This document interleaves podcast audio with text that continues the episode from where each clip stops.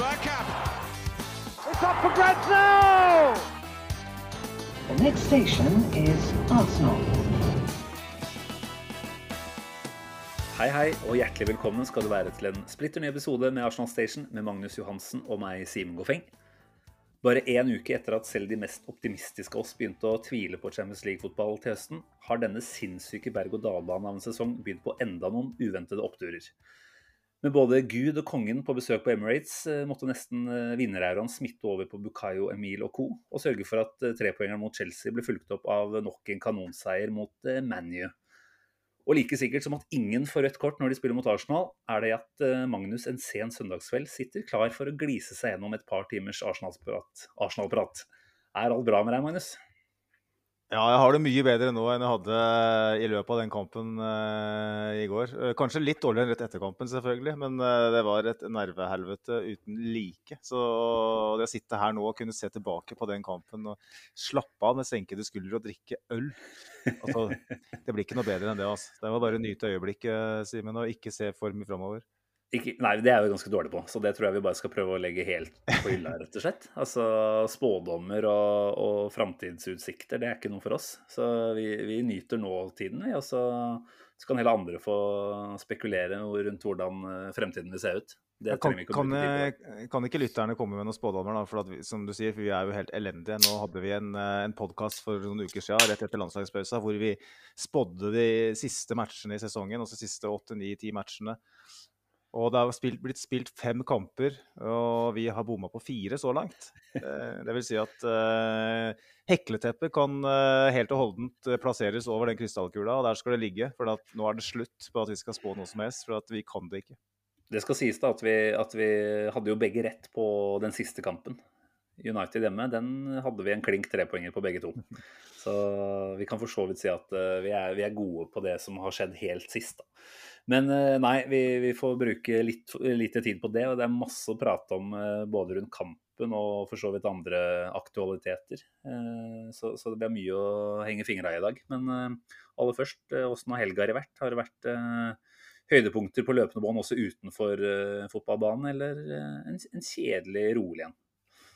Det føles litt som en sånn cupfinalehelg, og det er vel sånn helgene kommer til å bli framover. Men spesielt den her, etter at jeg på en måte hadde lagt inn årene etter den Southampton-kampen og gitt opp, så, så, ble jeg litt sånn tatt på senga av den Chelsea-matchen. Og så kom jeg inn denne helga her, så har jeg så det har skjedd eh, andre ting, selvfølgelig. Men eh, jeg, jeg, hadde vondt i magen på fredagskvelden. Jeg hadde enda vondere i magen på lørdag formiddag. Det var veldig cupfinale. Eh, og det har prega den fotballkampen her har prega helga mer enn en eh, normalt sett fotballkamp gjør. Og normalt sett så preger fotballkamper helga mye veldig. Så det har vært en, eh, det har vært en helt nydelig helg, men først og fremst etter kampen. Før det så var det et helvete, syns jeg. Og det, det, er Sånn skal det jo for så vidt være. Vi må være glad for at vi er i en sånn situasjon. Men jeg, ra jeg rakk til plen i dag, hvis det er interessant. Eh, ellers er det ikke så mye mer å si. det er det, det, neste høydepunktet på, på lista di. Det skal sies at du gjorde vel kanskje har, med noe, du gjorde det med noe Arsenal-relatert på øret, var det ikke sånn? Så da, da blir jo selv raking eh, ganske OK. Raking kan ikke være OK hvis du ikke har noe ekstern uh, stimuli, da. Eh, rak, altså, I gamle dager rakte folk plen uten podkast. For meg så er det helt utenkelig. Ja, det det, jeg tenker liksom hvis, hvis, hvis du har øh, Hvis du sitter inne for noen grove lovbrudd, så tenker jeg at du kan bli dømt til å rake plen hver dag resten av livet, f.eks. For, for det mener jeg er en passende straff til, uh, til, sånne folk. For så kjett er det. Og da uten podkast, selvfølgelig. Ja, OK, greit. Da, da, går vi videre fra plenraking. Hva Hva med deg, da? Tenker jeg. Vi må jo ja, Helga mi har ikke vært så veldig mye mer spennende. Eh, den har jo igjen vært prega av, av, fotballen. Det har jo blitt eh, mange timer foran TV-en. Men jeg hadde en, eh, en for så vidt veldig hyggelig, men om, om en noe slitsom eh, start på helga med mengder vindrikking fredag kveld. Og kom naturlig nok ganske seint hjem derfra. Og heldig som jeg er, har en lillebror som spiller fotball, da. Så, og han er jo en del år yngre enn meg så fikk jeg lov til å ta dugnadsjobben eh, da det var cup eh, på ski eh, på lørdag. Så, så jeg, jeg, sto vel og fiksa vaffelrøre klokka to på natta natt til lørdag. Og opp klokka halv sju. Rett ned i kiosken. Sto der i fem timer, løp fram og tilbake og grilla toast og solgte smoothie. Og hadde helsikes puls etter hvert òg, da. De vinflaskene tok meg igjen utover dagen. Og så rakk jeg selvfølgelig ikke å starte, starte ballet med Arsenal United klokka halv to heller, for sikkerhets skyld. Eh, Så takk til eh, Ski fotball som kjører eh, cupvakter til dødens tid, men greit nok. Så, så den kampen her ble jo litt spesiell egentlig for min del. da. En slags eh, kombinasjon av bakrus og utslitt, samtidig som jeg visste at du blant andre visste mer enn meg eh, om hvordan ting gikk. Jeg gikk jo rett hjem uten alt som heter mobil og, altså mobilnett og alt mulig sånt. Så, så da, da starta jeg sendinga forfra. Og var vel ca. én omgang bak deg, fant jeg ut. Eh, så når du da ringte meg uten å ha sett at jeg hadde skrevet melding til deg da, eh, klokka halv tre, omtrent da jeg satte meg ned for å begynne å se på, så frykta jeg jo selvfølgelig at nå, nå skal Magnus ringe etter første gangen og fortelle hvor jævlig det står til. Hvor mye som har gått til helvete den første omgangen her. Men uh, omtrent uh, i det øyeblikket du la på, så, så skårte jo Tavares, da. Og da, da var jo himmelen uh, der med en gang. Men så kom jo selvfølgelig tankene, da. Hva er det Magnus ville snakke om? Og Ja. Ja, nå viste det seg at det var mye vi kunne ha prata om etter den første gangen der. For det var uh, særdeles innholdsrike eh, minutter, altså. Fy fader, for en slitsom kamp. Det var vel det jeg skrev til. Fy faen, dette bare var brutalt slitsomt å følge med på. Det skjedde så mye. Det var det jeg ville snakke om òg. For jeg, jeg, jeg trengte en sparringspartner. eh, min sparringspartner i, i nødens stund. Fordi at jeg var hjemme alene. og jeg, jeg var, hadde hjerteklapp nesten, for jeg var så sliten etter den første omgangen. Det lå knust glass på gulvet her. Eh, så ille var det. Det, var, Ja, det det første litt dumt ut. Det er første gang ever, tror jeg. For jeg kaster kun puter og, og korkopptrekkere. eh, Og korkopptrekkere gjerne i en retning som gjør at det ikke er noe farlig. Jeg er ganske flink på å ikke ødelegge ting.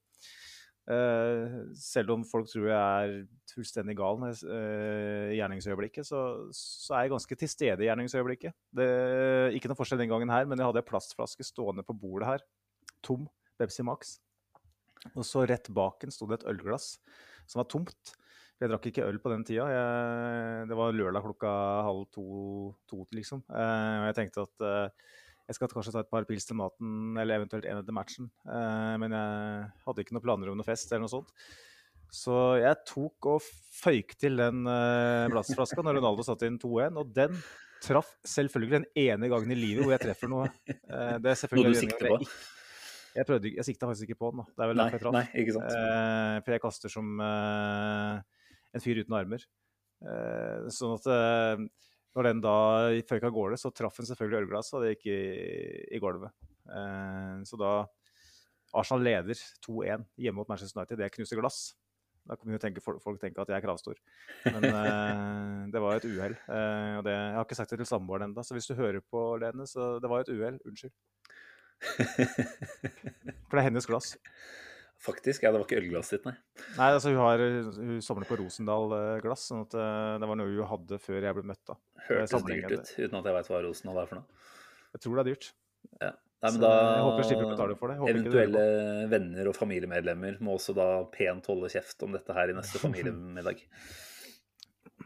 Nei, men eh, det var, det var hektisk. Vi skal gjøre et forsøk i hvert fall på å gå gjennom eh, det som skjedde, både i første og andre omgang. Eh, Vi kommer til å bruke lang tid, jeg er redd. Så før vi bare hiver oss i gang med det, så er det vel på sin plass å nevne samarbeidet vårt med supportklubben Arsenal Norway.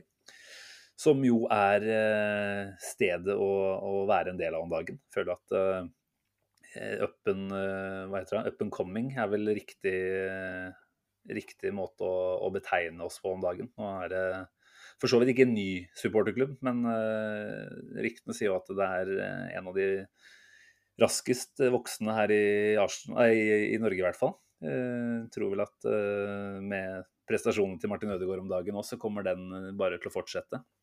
Så hvis du som lytter er en av de som fortsatt ikke har giddet, for det er vel det vi må si at det handler om. Det handler jo ikke om at man ikke har lyst, eller sannsynligvis at man ikke har råd, men, eh, men at man rett og slett ikke orker eller har giddet. så er det på høy tid å gå inn på gunners.no og bli medlem. For da, Magnus, eh, er det både eh, et hyggelig fellesskap man blir en del av, så får man jo noen gode ting attåt. Definitivt. Altså, vi har nevnt det mange ganger. Det er seks deilige medlemsblad med tettpakka med Arsenal-stoff, skrevet av Arsenal-fans for Arsenal-fans. Eh, mye nostalgi og historie òg, eh, ikke bare aktualitet. Og det er veldig fint. Eh, så har du eh, muligheten til å besøke på billetter på hjemmekamper, eh, som vi har snakka om før her, at det er vanskelig om dagen. Eh, det kunne kanskje blitt litt lettere hvis vi hadde tapt de to siste kampene, men uh, nå er vi tilbake der, og det skal vi være glad for. Uh, så det er en gyllen mulighet til å skaffe seg billett, og gjerne sammen med andre òg. Uh, og det er et poeng, uten å slippe å betale 5000 kroner, liksom, som jeg ser mange billetter ligger ute for. Du har muligheten til å kjøpe supportereffekter hos fotballbutikk.no med 15% avslag. og det er, mener jeg alene er verdt de 250, fordi at du sparer inn det på et par draktkjøp. Og vi har jo alle sett de tre draktene vi skal ha til neste år. Eh, både den røde hjemmedrakta med krage ser jo ganske ålreit ut. Den svarte bortedrakta ser jo helt ekstrem ut. Mm. Eh, og den rosa tredjedrakta er det vel, kan vel også absolutt eh, få bein å gå på. Så de, de få kronene det er i medlemskapsutgift, de, de, tjener seg fort inn da, hvis du skal ha noe merch. Ja, definitivt. Og så har du til syvende og sist, og det viktigste for meg, eh, det er fellesskapet du blir en del av, og de mulighetene man har til å delta på arrangement både her til lands og i England. Eh, da blir man kjent med veldig mange ålreite folk med samme lidenskap som deg, som snakker samme språk, og det er en arena som er helt gull verdt å være en del av. Så Kjør på, folkens, og meld dere inn. Jeg vet at eh, det er ikke så veldig fristende å, å melde høyt at man har gjort det, eh, fordi at man ønsker gjerne å utstråle at man har vært medlem i mange år osv. Jeg, har, jeg har vært, eh, selv vært utafor noen år hvor jeg mm. var litt sløv og ikke fornya. Men det er mange år siden nå. Altså, men det er liksom man skal ikke skamme seg over det heller. Bare meld dere inn. Og hvis dere har lyst til å fortelle at vi er årsaken til det, så gjør gjerne det. altså. Det er fint. Ja, det blir masse bonuser i kassa vår da, så det, det er veldig fint å, å nevne. Men eh, apropos det der med medlemskap, eh, er det vel sånn at hvis man har vært medlem før, eh, som du da har vært, og hatt en periode utenfor, så er det faktisk bare å si ifra. Så får du gjenoppretta det gamle medlemsnummeret ditt, har jeg forstått. Fra tidligere i hvert fall. Så hvis det fortsatt er tilfellet, så, så er det jo For det er jo noe med å ha så lavt medlemsnummer som mulig. Det er jo alltid litt ekstra stas, det også. Så og jeg tripper det gjelder for mange. At man har vært innom, og så har litt tilfeldig bare gjort at man eh, ramla ut en periode. Mm. Så en mail til eh, ledelsen, som jo vier mye av sin tid til eh, dette fantastiske hobbyprosjektet som er å drive supporterklubb. Så, så hjelper de med det. Bra. Men da syns jeg vi skal kaste oss i det, Magnus. Nå har vi snakka snart et kvarter uten å komme i gang med kampen, som folk har lyst til å høre, på, å høre om her. Kjent stil. Nå er det på tide å hogge tenna i biffen. Altså. Bare Før vi begynner å snakke om selve kampen, så syns jeg vi bare må Jeg var inne på det i introen. Snakke litt om det som vel kanskje må være et av de deiligste bildene jeg har sett. Eh, det var vel var, Det var i forkant, eller var det i etterkant, at eh, Gud og kongen var innom indre bane og fikk en prat med Saka og Smith-Roe? Jeg vet ikke helt, men bildene kom jo fram i ettertid, da. Mm. Men, Nei, jeg er veldig eh, usikker på. Men ja. uh, vi, jeg har jo sett bilder av uh, Berkamp og Henry i de samme klærne uh, som de hadde på stadion, eller også på tribuna. da. Så det tyder vel kanskje på at det var Nei, det vet ikke om det tyder på noe som helst, men det må jo ha vært enten god tid i forkant eller etterkant. Jeg vet ikke hvor mye om de spillerne får bli på stadion lenge etterpå, ja, men kanskje, kanskje, var det, kanskje var det tidlig på dagen, hvis jeg skulle tippe. Vi er ikke noe gravepod, så det dropper vi å finne ut av. Men uh, poenget var i hvert fall at det var et mm. bilde som, uh, som vi begge for så vidt satte pris på, og sikkert alle andre også. Dette her er jo liksom de to potensielt sett største legendene. Uh, I hvert fall de største i, i min levetid. Eh, vi har vel hver vår eh, største helt, og det er Bergkamp for din del og Henri for, eh, for meg. Mm. Du er en monarkist, så, altså, du er en monarkist og jeg, jeg er veldig dypt kristen i akkurat den sammenhengen. Ja, det er så enkelt. Så enkelt er det. Men, eh, men når Gud da, og, og kongen tar seg tid, eller nesten motsatt kan man si etter hvert, og får lov til å få innpass hos den yngre garde, var, var det en liten tåre som måtte fram i øyekroken din da, eller?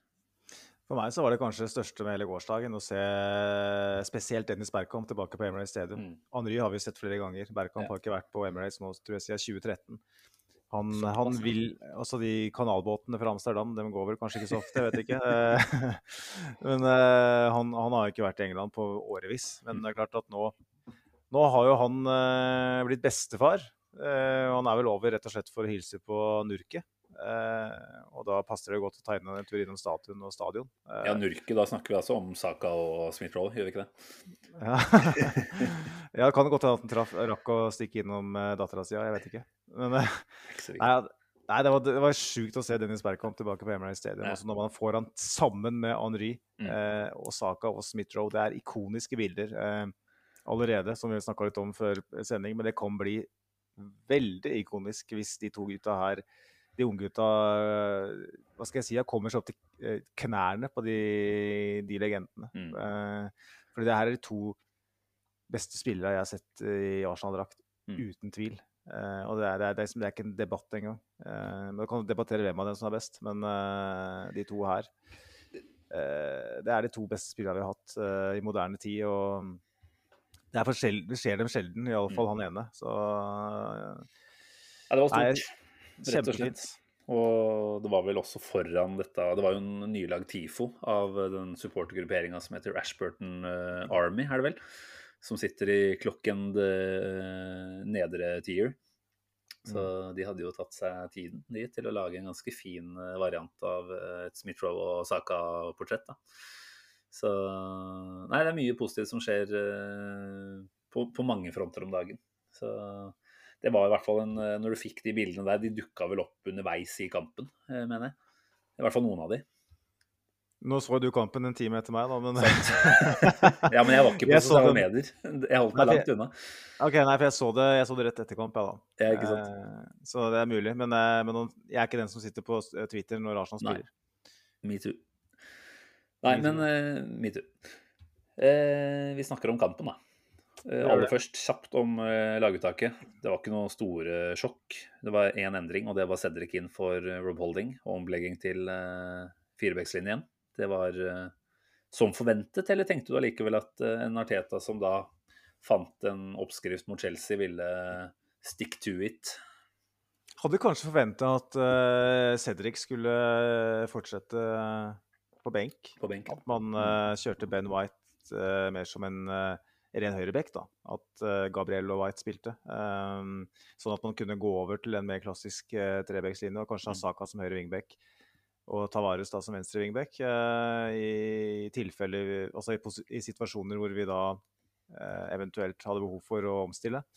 Um, så litt, litt overraskende at man, at man ikke gjorde det, da. Men ut, utover det så forventa jo at El Neni skulle få, få fornya tillit. Det var vel egentlig det eneste spørsmålet. At Nketia skulle fortsette, det så jeg på som en selvfølge. Uh, uavhengig av Lacassette sin fysiske, fysiske form. For han hadde jo definitivt seg fortjent til, Mm.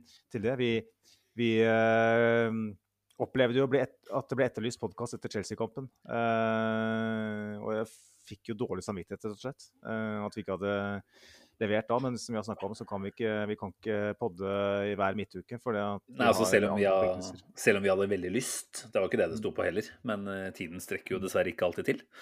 Så, så da måtte vi bare holde, holde koken fram til eh, i dag, da. Og håpe at eh, vi fikk få en ekstra forsterker fra den United-kampen her. Mm. Så det gjør at vi, vi sitter jo og er ganske høye akkurat nå. Ja. Høye på seiersrus, altså. Øl, øl eh, er der òg. Så Utover det så er det lite, lite, lite stimuli eksternt. Men uh, Så jeg syns det var en uh, relativt som forventa elver. Mm. Og glad, glad for at El Neni fikk fornya tillit, selv om jeg hadde en sånn liten sneaky feeling om at uh, en hjemmekamp hvor vi skal ut og dominere, eh, at Lokonga kanskje hadde vært Mm. Mer progressiv i, i sin stil. Da. Så, så sånn vi kjenner Mikkel Arteta, så er det sånn at når han først finner en formel som funker, så pleier han å, å holde ved den. Uh, så kan vi debattere det uendelige om det er en styrke eller en svakhet. Mm. Men uh, i det tilfellet her så syns jeg det var en styrke å beholde Sjaka og El Neni som midtbaneduo. For da, med Party ute, med Lacassette åpenbart ikke en del av elveren, eh, Tierney ute, så, så, trenger vi kanskje den erfaringen da, og den plattformen i midten som gjør at vi kan få en viss kontroll. Og nå var det ikke det vi hadde i det hele tatt, men eh, jeg syns at det funka greit. Helt enig. Nei, jeg hadde egentlig lite å utsette på den startelveren. Altså Jeg håpa jo for så vidt på en kamp hvor vi skulle være enda mer eh, on the front. Altså, vi, vi var jo mye framoverretta mot Chelsea, men eh, så jeg jo på dette som en kamp hvor vi forhåpentligvis også skulle dominere ballen mer. da, Og, og ha enda mer eh, egne tilløp til, eh, til sjanser ut fra eget spill. Og sånn sett så kan jeg forstå at Cedric var med. Det var vel heller den eh, balansen, da, den velkjente balansen. Hvordan skulle den se ut med både han og Tavares eh, på hver sin bekk, som gjorde at jeg var noe småskeptisk, i hvert fall, må jeg jo kunne si. Men mm. jeg var ikke overraska over at vi fikk akkurat det laget der, faktisk. Så for meg så handla det litt mer om eh, hva slags inngang er det vi går inn i kampen med? Altså hva slags eh, mentalitet går vi inn i dette her med nå? Og, og for så vidt også United, da, som jo kom rett fra 0-4 mot Liverpool og har jo blitt hudfletta i alle bauger og kanter fra absolutt alt som kan krype og gå av eksperter eh, siden. Eh, en Fernandes som vel etter den Liverpool-kampen var ute og sa at eh, vi har ikke noe å spille for. Men det er klart, så du på tabellen før den kampen her, så, så har de jo åpenbart det når de tropper opp klokka halv to på Emirates. Vinner de, så, så er de jo av poeng og får fullt med den Champions League-kampen. Så, så, jeg var spent både på hvordan vi skulle gå inn, og, og, hvordan United ville gå inn. Og jeg skrev det vel til deg var det dagen før eller noe sånt, at det eneste jeg ønsker her nå, er at vi går ut og gjør det vi kan for å drepe de de første 15-20. da. Og man kan vel si at det var det vi gjorde. Når det tar to minutter og 20 eller hva det var, før vi har ballen i nota. Da, da må vi vel kunne si å ha truffet på, på inngangstempo. Ja, det kan du si. Ehm, det er naturlig eh, etter en triumf for Chelsea. Eh, du nevner det med Uniteds eh, oppladning her, med, med, med alt som har skjedd der. Så er det veldig lite overraskende at vi går ut og tar kommando så kan du godt argumentere for at vi får eh, en del hjelp fra Manchester United uh, i, på det 1-0-målet. som Vi har snakka om, om, det, og vi, snak, vi, diskuterte vel det i midtuka når vi, i forbindelse med Chelsea-kampen. Uh, det som ikke ble broadcasta, at uh, Arsenal må skåre først. Mm. For det er på en måte gjerne avgjørelsen. Vi, vi, vi, vinner nesten ikke uansett hvis vi skår, slipper inn først. og Eh, i de kampene mot Southampton og eh, Brighton, spesielt Southampton, når vi ikke klarer å omsette de sjansene vi har der, så, så tenker du at det, det er kampen. Mm. Det er derfor vi ryker. For at vi ikke scorer først. Så får vi en liten gavepakke rett og slett for Manchester United da, som, eh, som roter det til i egen boks. Og Det er ikke noe nytt at de gjør det, men uh, det setter litt tonen på et vis innledningsvis. Og uh, selv om Chelsea òg i midtuka kom tilbake, så er det noe med at når vi scorer først og tar kommandoen, så, så, så, virker det som det gjør noe psykologisk med den gjengen her. og eh, det var viktig, viktig, så uavhengig av hva som skjer etter hvert i den første gangen, så tror jeg det var jævlig viktig å få det målet. For det, det virka som om det galvaniserte gjengen litt. Da. For det er klart, man har vært gjennom en veldig tøff periode. Eh, får en seier på Stamford Bridge som er veldig uventa. Eh, for alle rundt, men òg for dem, tror jeg. Jeg tror ikke de gikk i den kampen og trodde at de skulle vinne 4-2 på Stamford Bridge. Eh, sånn at jeg antar at det var en god del usikkerhet i den gjengen her òg, i, mm. i, inngangen til matchen. Så får du den gavepakka. Eh, og så, og så er det jo egentlig sånn at Arsenal egentlig avgjorde kampen når vi får 2-0, på et vis. Vi hadde jo flere sjanser i, det momentet òg når den 2-0 kommer, så jubler jeg som vi hadde avgjort kampen. Mm -hmm. eh, for at jeg tenker at det United-laget her, når de er døde og begravet, da er de døde og begravet. Det har vi sett mm. mange ganger. De er, United under Ragnhild er veldig gode i første omgang ofte. Ikke veldig, men gode i første omgang. Og så klarer de aldri å følge opp i andre omgang. Jeg tenkte når vi fikk 2-0 der, omtrent midtveis vel i andre omgang, tenkte at OK, det her tar vi nå. Det her tar vi. Så kan jo du ta oss gjennom det som skjer etter det. Ja, Nå skal det også si at det skjedde veldig mye mellom eh, 1-0 og 1-1. da. Jeg synes det er- mange ting vi kan eh, snakke en del rundt faktisk der. Men, eh, men ja, altså 2-0. Da hadde vi på en måte kommet dit vi håpet. da, At nå, nå er vi på mange måter ved, om ikke cruisekontrollstadiet, så i hvert fall vil det være komfortabelt her. da. Og, og det, det tror jeg nok det kunne blitt. Men når den eh, 2-1-skåringa kommer så kjapt etter, om det er maks to minutter, vel, Ja. så, så, så får vi på en måte ikke tiden til å omstille oss. da, Til å kanskje legge oss på et litt annet gir med en litt annen eh, høyde og, og spille på en litt annen måte. Eh, så Det er jo klart det er jo en klisjé, men at det er rett etter egne skåringer man er mest sårbare for, eh, for å slippe inn, det, det har vi hørt eh, mange ganger. og det jeg vet ikke om det stemmer mer med, med Arsenal enn med andre klubber, men det har jo hendt tidligere også, da.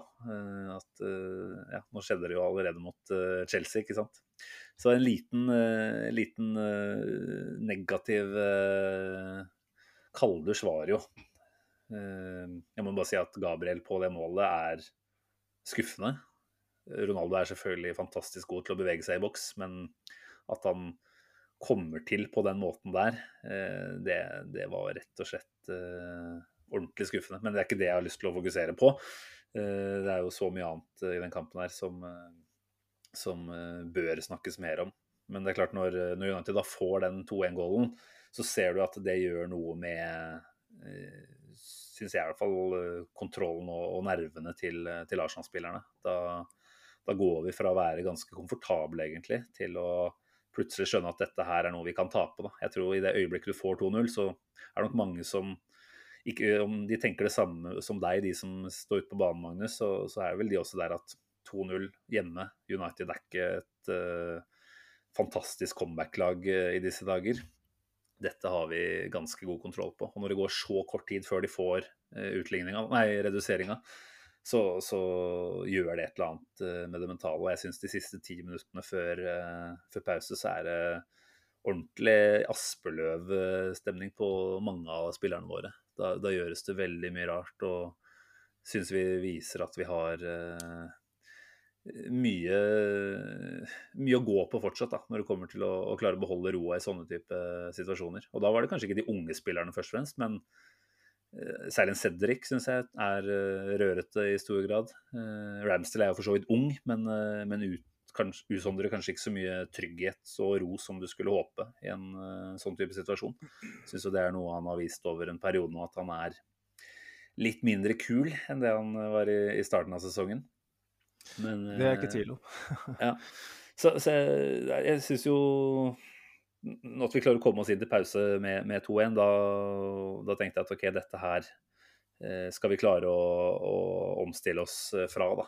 Jeg følte at vi, vi hang litt i tauene inn mot det. Selv om vi selv Vi hadde vel også, uten at jeg husker helt kronologien her, så hadde vi vel noen muligheter etter etter Ronaldo-skåring også i, i første omgangen. Så vi hadde vel særlig Saka, var det vel, på en corner hvor han kunne ha skåret på volley. Ja, stemmer det. Ja. Men nei, jeg vet ikke hvordan vi skal gjøre dette. her. Nå er det som sagt mange situasjoner vi har hoppa glatt over, som skjedde i løpet av den første omgangen. For det, det syns jeg var kaosfotball fra ende til annen. Altså. Det, det, var jo veldig gøy sikkert for de som bare sitter der som nøytral, men det var slitsomt å følge med på. Og det, det var, var hjertet i halsen ved mange anledninger. Eh, nå har vi snakka om Nuno sitt, sitt mål, eh, og jeg syns vi skal gi han full honnør for at han er med opp der og, og skårer sitt første Arsenal-mål. Veldig gøy.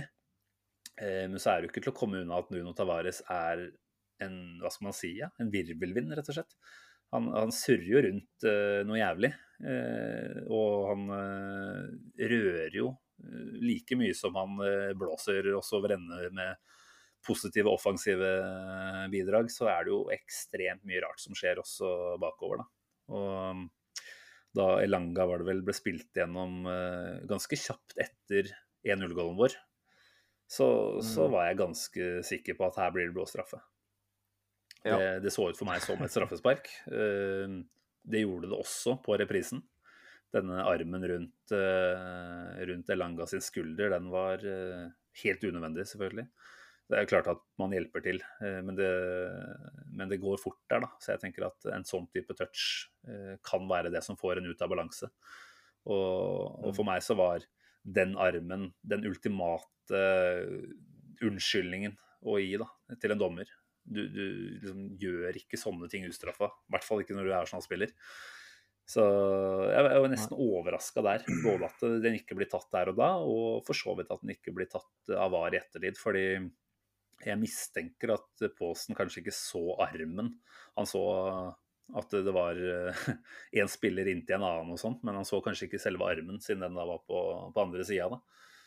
Eh, og da tenkte jeg at ok, da, da skal vi selvfølgelig ha en VAR-straffe her. På en måte så er jeg enig, men på en annen måte så tenker jeg at hvis VAR skal funke i England, som på, måte, eller som på ingen måte gjør per nå, så tenker jeg at ja, jeg er enig i tankegangen din, men samtidig så eh, Det er jo ikke en sånn klipping eller en sånn nedrivning direkte. Så tenker jeg er det en klar og åpenbar feil fra dommer, så på at det er mantra mm. i VAR, så tenker jeg jo at at det er ikke krise at den går, men man må jo snu på det og tenke hva ville vi tenkt hvis mm. det var andre veien? Så hadde man sikkert tenkt at det var straffe. Men jeg så jo på Liverpool mot Everton tidligere i dag, dag søndag, hvor uh, Alexander Arnold var i ryggen på han Craig Gordon Craig, altså Anthony Gordon. Anthony Gordon, sorry. Mm. Eh, et par ganger eh, der, som ikke ble tatt. Jeg tenker at de er ikke helt ulike situasjonene. Det er en mm. bekk på, på etterskudd som bruker armen for å for å få spilleren til å gå ned. og Gordon han eh, gjorde mye ut av situasjonen. Mens Elanga, mm. hvis han hadde gjort mer ut av situasjonen på Emirates på lørdag, så tror jeg vel at uh, dommer ville blåst. Mm. Han forsøkte jo alt han kunne å holde seg på beina. Og jeg tenker jo at, uh, at det er beundringsverdig, uh, men sannsynligvis ikke veldig smart. jeg vet at vi vi forguder jo Bukayo Saka med rette, men han er en spiller på samme alder, kanskje litt eldre enn Elanga. Han hadde gått ned der. Det er, i hvert fall mm. helt, det er jeg helt sikker på. Eh, så kan ja. folk mene hva de vil om det, og da hadde Arsenal sannsynligvis fått straffe. Da. Mm. Eh, jeg opplevde på en måte ikke at, at det handla om at det var United eller Arsenal eller noe sånt i går. Det var, det var så mange situasjoner, og man, for en gangs skyld kan man ha en viss sympati med de som uh, dømmer, på en måte. For det var, det, var, så rørete, det var så mye som skjedde. Uh, men når du, sier, når du snakker om Nuno Tavares, da, så Det er vel først, altså det andre sesongen hans på toppnivå, er det ikke da? Og den første i England. Uh, når det er sagt, så så rørete som han er, har vel nesten aldri sett at noen spillere er. Bortsett fra Eboe et par ganger. Det er bare helt utrolig at det går an å være så rørete. Så syns jeg, som du sier, Cedric var det, men jeg, eh, jeg syns du frikjenner Ramstad nesten for mye. For jeg syns han spesielt på det mm. Det var vel på 1-0 det òg, når han var ute og rota når Bruno Fernandes holdt på å sette inn utligninga. Så jeg føler jo egentlig at vi, rør, vi rørte ganske mye før 2-0 òg. Vel så mye kanskje òg. Jeg følte at vi hadde null kontroll eh, gjennom kanskje de første 10-15 minutta så hadde vi null kontroll i første omgang. Eh, det var bare fullstendig kaos. Og Ramsdale, han Jeg følte han spredde litt usikkerhet, rett og slett. Han, mm. På målet til Ronaldo så, kom han litt ut på halvdistanse. Var, var i ingenmannsland. Jeg vet ikke helt hva han tenkte. Og jeg virka som, som Gabriel og, og Tavares eller hvem det var som var ved siden av, ble litt sånn usikre på hva, hva er det Ramsdale ja, skal nå. Eh, så har du den situasjonen med, med Bruno Fernandes, hvor han slår ballen rett i beina på en United-spiller. Og et par andre situasjoner òg hvor han fremstår litt usikker. Da. Mm. Eh, og det spredde seg litt fremover i, i, i bekkerekka og osv. Jeg føler at eh, Ikke forråtnelsesprosessen, det er kanskje litt uh, vel å ta i, men at Ramsdale en måte har vært tryggheten sjøl. Eh, har mista litt det. Uh, er litt inne i blindgata akkurat nå.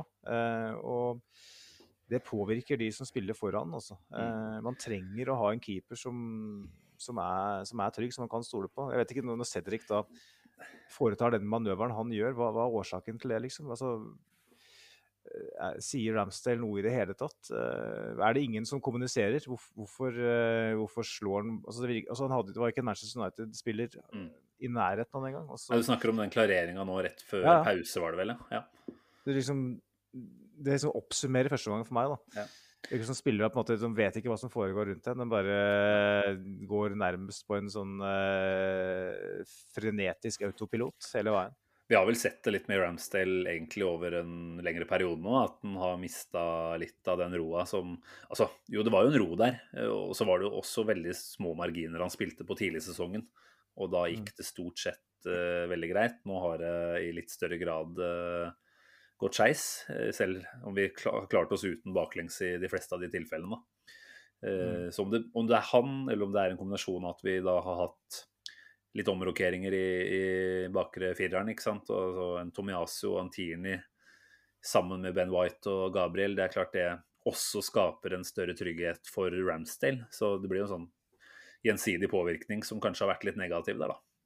Eh, uten mm. å på en måte blame Cedric og Tavares for at Ramsdale gjør dårlig valg, så, så kan det hende at det er en totalsum som uh, spiller inn her, da. Men eh, nei, vi, vi, får bare prise oss lykkelige for at det gikk eh, godt i de tilfellene der, da. Selv om du kanskje har et poeng når du kritiserer han litt i måten han, eh, han går ut på på reduseringa til Ronaldo. Men nei, jeg skal ikke, skal ikke dvele altfor mye med det. Ehm, det er også et par eh, Eddie Nketia-øyeblikk i den første gangen her, så jeg føler det er eh, verdt å prate om. Eh, det første som var, var vel den Det var vel en hælflikk fra Martin Ødegaard, var det ikke det? Hvor uh, han spiller Eddie Nketia egentlig gjennom på blank goal. Ganske grei avslutningsposisjon. Jeg lurer på om Nkete faktisk tror han er i offside, og derfor blir avslutningen litt villere enn den kanskje ellers ville vært. Eh, for første innskytelse var jo at her er det offside, men så ser vi jo på reprisen at Dalot henger igjen. Eh, klasker til og treffer vel egentlig midt på De Gea. Så den er svak. Litt sånn utypisk NGT òg. Ja, eh, egentlig. Han er jo Akkurat i de situasjonene der så er han jo kjempegod. Mm, jeg syns han så veldig overraska ut da når det viste seg at det ikke ble tatt for offside. Så jeg, jeg mistenker at han bare ga litt faen nesten når han skøyt der og tenkte OK, fuck it, det her blir avblåst uansett. Men det, mm. det er han ikke. Og så er det jo ikke lenge etter da, at vi, vi er i en ganske, ikke, om ikke lignende situasjon, så er det jo i hvert fall eh, en nydelig stikker inn fra Ødegaard som meg var veldig god den første gangen der. Ja. Han øh, klarte vel eh, Jeg vet ikke hvordan det var med pasningsprosenter og sånt, men jeg følte at alt han toucha, gikk dit det skulle omtrent. Mm. Så du som er tallmester, kan eventuelt korrigere det. Men øh, igjen så gjør han jo også veldig ambisiøse forsøk, da. Og det innspillet til Saka der, det, det finta egentlig ut hele vekkerrekka til United, så det ut som. Og da var uh, var det Alex Telles, venstrebekken, på etterskudd og gikk hardt i ryggen på, på Saka. Eh, jeg regner med at du også var oppe og ropte straffe før den ballen var i nota. Eh, jeg tenkte at dette her må være straffe. Eh, så når Enketia, Enketia satte den, så var jeg egentlig ikke sånn superbekymra. For jeg tenkte at enten så står den goalen, eller så, eller så får vi straffesparket. Mm. Ja, ja. Og um, man mister seg litt selv i øyeblikket, da. Så når Nketia scorer, så, så, er det jo fokus på krigsdans på gulvet. Og så, når det da blir annullert, så tar, må man, måtte jeg summe meg litt før jeg begynte å tenke tilbake på den uh, situasjonen uh, med, med, Saka. Men det er klart, den, jeg, jeg, har sett noen skrive at den ikke er klar, men også herregud, da er du, da er du full på jobb altså, hvis du mener at den ikke er klar. Man kommer jo dundrende i ryggen. Ja, ja. Det er den klareste straffa på Emirates i, i går, og det var ja. ganske mange straffespark, hvis vi skal ta den debatten. Jo, men jeg ser jo de som mener at uh, du kan ikke gi straffe på den hvis du ikke gir uh, Elanga tidligere. Og det, Nei, det, det tenker jeg ikke. Uenig. Jeg er helt uenig i det også. Uh, men, men, jeg tror det er et sånn Ja. Nei, altså Si at den situasjonen hadde stått alene, da. Så, så kunne jo faktisk Påsen vurdert kanskje å bare gå videre. Men med tanke på at uh, det ble et stopp i spill med en gang pga. den avslutningen som gikk i mål, så, så, var du nesten nødt til å se på den. Og da, da, da ble det som det ble. Uh, Osaka har jo da skåret to straffer på rappen. Etter å, det var vel de to første han har tatt siden uh, EM-straffen i, i, finalen. Det er vel de to første han har tatt, har tatt som seniorspiller. Uh, så Det en eh, Det var vel snakk om det i forbindelse med den straffa mot Chelsea, at det var Martinelli som eh, var forventa å ta den. Virker ikke som det var noen sånn veldig god plan på det, for det, da er det jo ofte litt mer sånn eh, krangling eh, internt på banen. Men eh, Arteta uttalte vel det at det var, det var Martinelli som eh, egentlig skulle tatt den straffa mot Chelsea, og Saka som ble tatt. Og vi kjenner jo alle den regelen, uh, uskrevne, at man helst ikke skal ta straffer som man selv har skaffa. Eh, og det gjør han jo da, går og tar ansvar et, med det bakteppet. Og så gjør han det igjen mot Manchester United, når han igjen blir tatt. Den fyren er bare laga av et eller annet helt spesielt. Ja. Og ja, det er Bukayo Saka eh, Bukayo i støvet. det var vel Jeg tror jeg så en ganske drøy eh, Orbinio-stat rundt det straffesparket der. Jeg skal bare se om jeg kan finne det. Det var, eh, det var angående til straffesparket. Eh, Bukayo Sako er den første Arsenal-spilleren til å både skaffe og skåre et straffespark. Altså det samme straffesparket. I, eh, i eh, eh, consecutive Herregud, nå sliter jeg med norsken. Premier League-kamper siden Ian Wright mot Aston Villa og Tottenham i 1995. Ja, den er fin. Så den Den er er litt fin. fin. Men eh, det er kult at han tar den. Jeg, jeg har tenkt på det egentlig en stund, at i, i mangel av en toppspiss, hvem av disse andre offensive spillerne våre er det som eh, stepper opp og tar de straffesparkene? Lacassette ville vel tatt det ganske klart og tydelig hvis han hadde vært der. Mm. Eh, jeg tenker at eh, han skårer så få mål uansett at det er nesten ikke gøy. Eh, for det du liker med de straffesparktakerne, er at de kan adde det oppå en del andre goller. Og da, da begynner det å lukte på toppskårerstøvelen omtrent, ikke sant. Så, så at han eh, setter den her, og nå er vel oppe i elleve goller da, totalt i denne sesongen her, det, det begynner å lukte ganske svidd av. Ja, det er jo Han har vel Er det seks målgivende eller noe sånt? Eller iallfall totalt i alle turneringer. Så han er oppe i 17 målpoeng eller noe sånt. Ehm, det er eh, Ja, det er, det er mange som eh, Ikke mange, men jeg har sett noen mene at han ikke har vært så mye bedre i år enn i fjor. Men da tenker jeg at da har du ikke sett kampene, for det er Bukayo Sako han tar steg Mm. hele veien. Og um, så er det jo kvalitet i seg selv å produsere målpoeng. Altså, du kan spille godt, og det, det gjorde han i fjor òg. Men jeg tenker at når du faktisk, i tillegg til eh, det å være god i, i banespillet, produserer på slutten der, så, så har du åpenbart tatt et nytt steg, da. ja, ja. Så nei, det er mye, mye kos. Eh, en siste ganske omdiskutert uh, sak vi må innom i første gangen her, er vel denne Cedric Hensen. Eh, det, de jeg hadde en lang diskusjon med en, en United-kompis om det var et fall eller om det var krab krabbing. Uh, jeg mener jo at han faller, bare at han gjør det litt lenge. Og så framsto jo det som krabbing, men regelboka er jo ganske tydelig på at hvis du, når du tar deg imot i et fall, stopper ballen med hånda, så skal det ikke blåse straffe. Eh, tror du han spekulerer i å få nok krabbesteg til at han kan eh, benytte hånda, eller er det bare fullstendig klønete?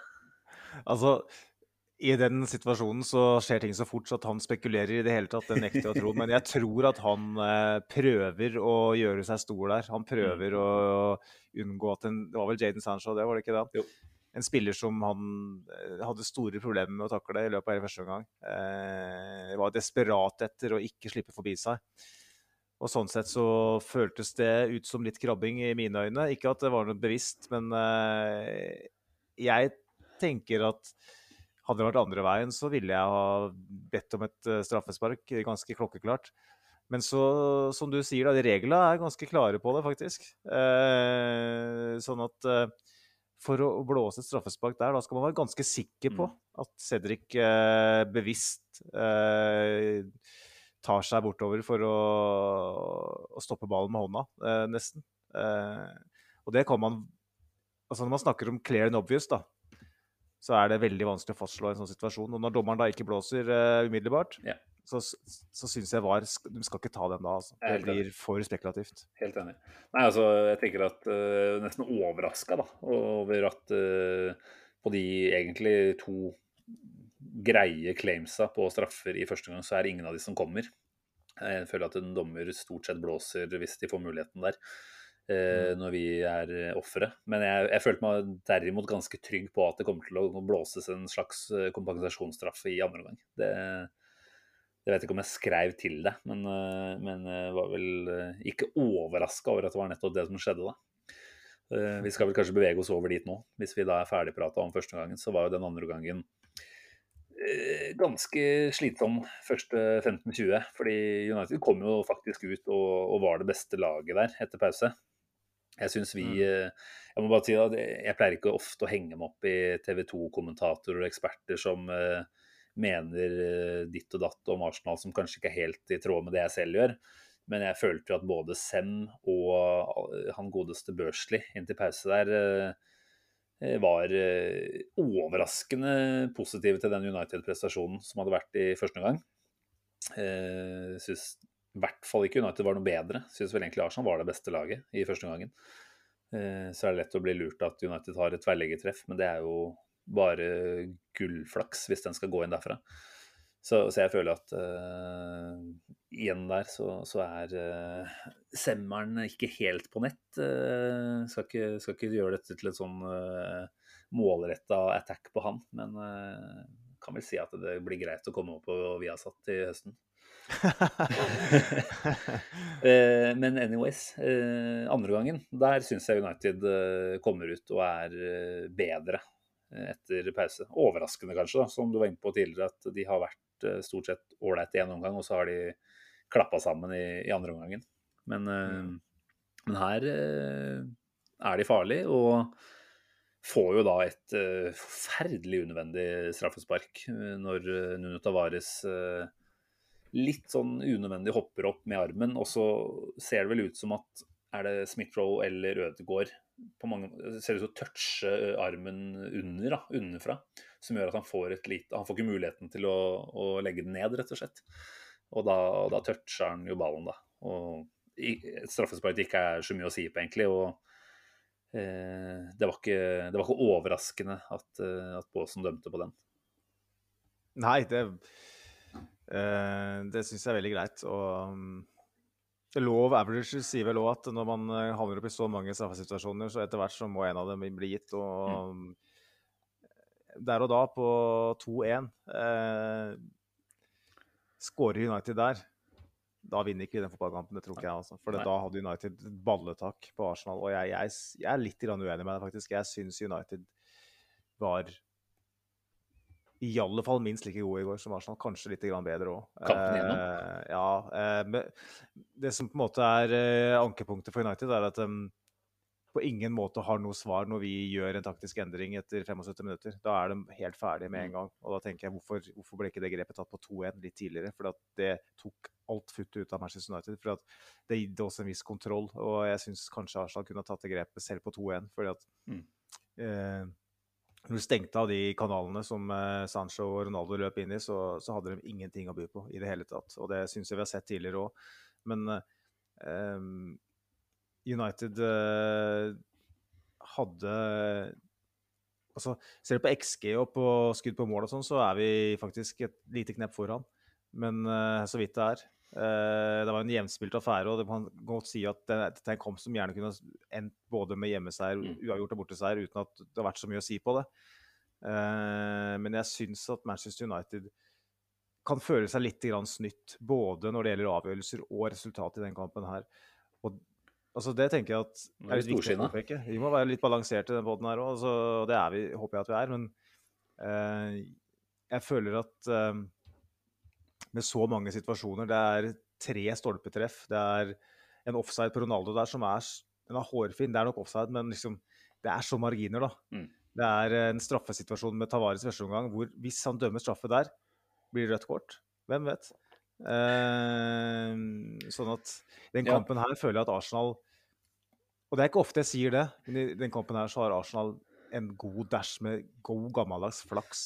Og det er jo nettopp det- da. Det, er det har vi faen meg fortjent, for at det- vi har hatt så mye utur. akkurat det, ikke sant. Det er så sjelden at du nesten føler at vi skal ikke ha muligheten til å ha litt flytt. Men, eh, men etter å ha hatt så mye utur, altså sesongen egentlig sett under ett, da.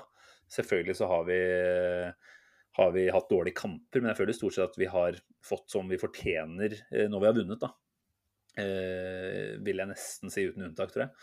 Så, så, at vi nå for en gangs skyld får denne her, det, det syns jeg jo definitivt at vi fortjener. Vi kontrollerer ikke kampen veldig godt, jeg er enig, men jeg syns allikevel at vi spiller oss fram til en del ålreite uh, sjanser. Uh, der United sitt enetvergetreff som sagt er et uh, flakseskudd hvis det går inn. da. og kanskje en keeper som er noe smått på halvdistanse eventuelt.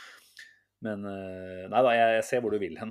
Og tar veldig imot det å få litt av disse 50-50-situasjonene i vår favør. For det, det, føles det nesten ikke ut som har skjedd før i den sesongen her. Så Tavares, som du sier, i første gang, han har vel også en i andre gang, hvor han igjen henger litt oppå Elanga, er det vel, på veien i, i feltet. Mm. Uh, så det kunne selvfølgelig blitt mer, men altså nå, nå, fikk de et straffespark. Det omsatte de ikke. Jeg var jævlig overraska over at ikke Ronaldo tok det. Det må jeg bare si. Skjønner ikke hva som var tanken der, egentlig. Jeg trodde han var helt åpenbar fus på straffer.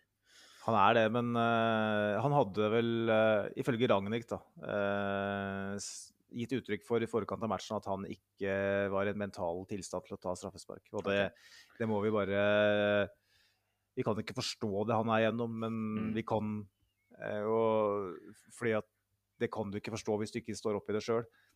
Men man kan jo ikke noe annet enn å, å, respektere og mm. akseptere det. det Nei, og, og, uttrykke at man er eh, lei seg på hans vegne. Det er mm.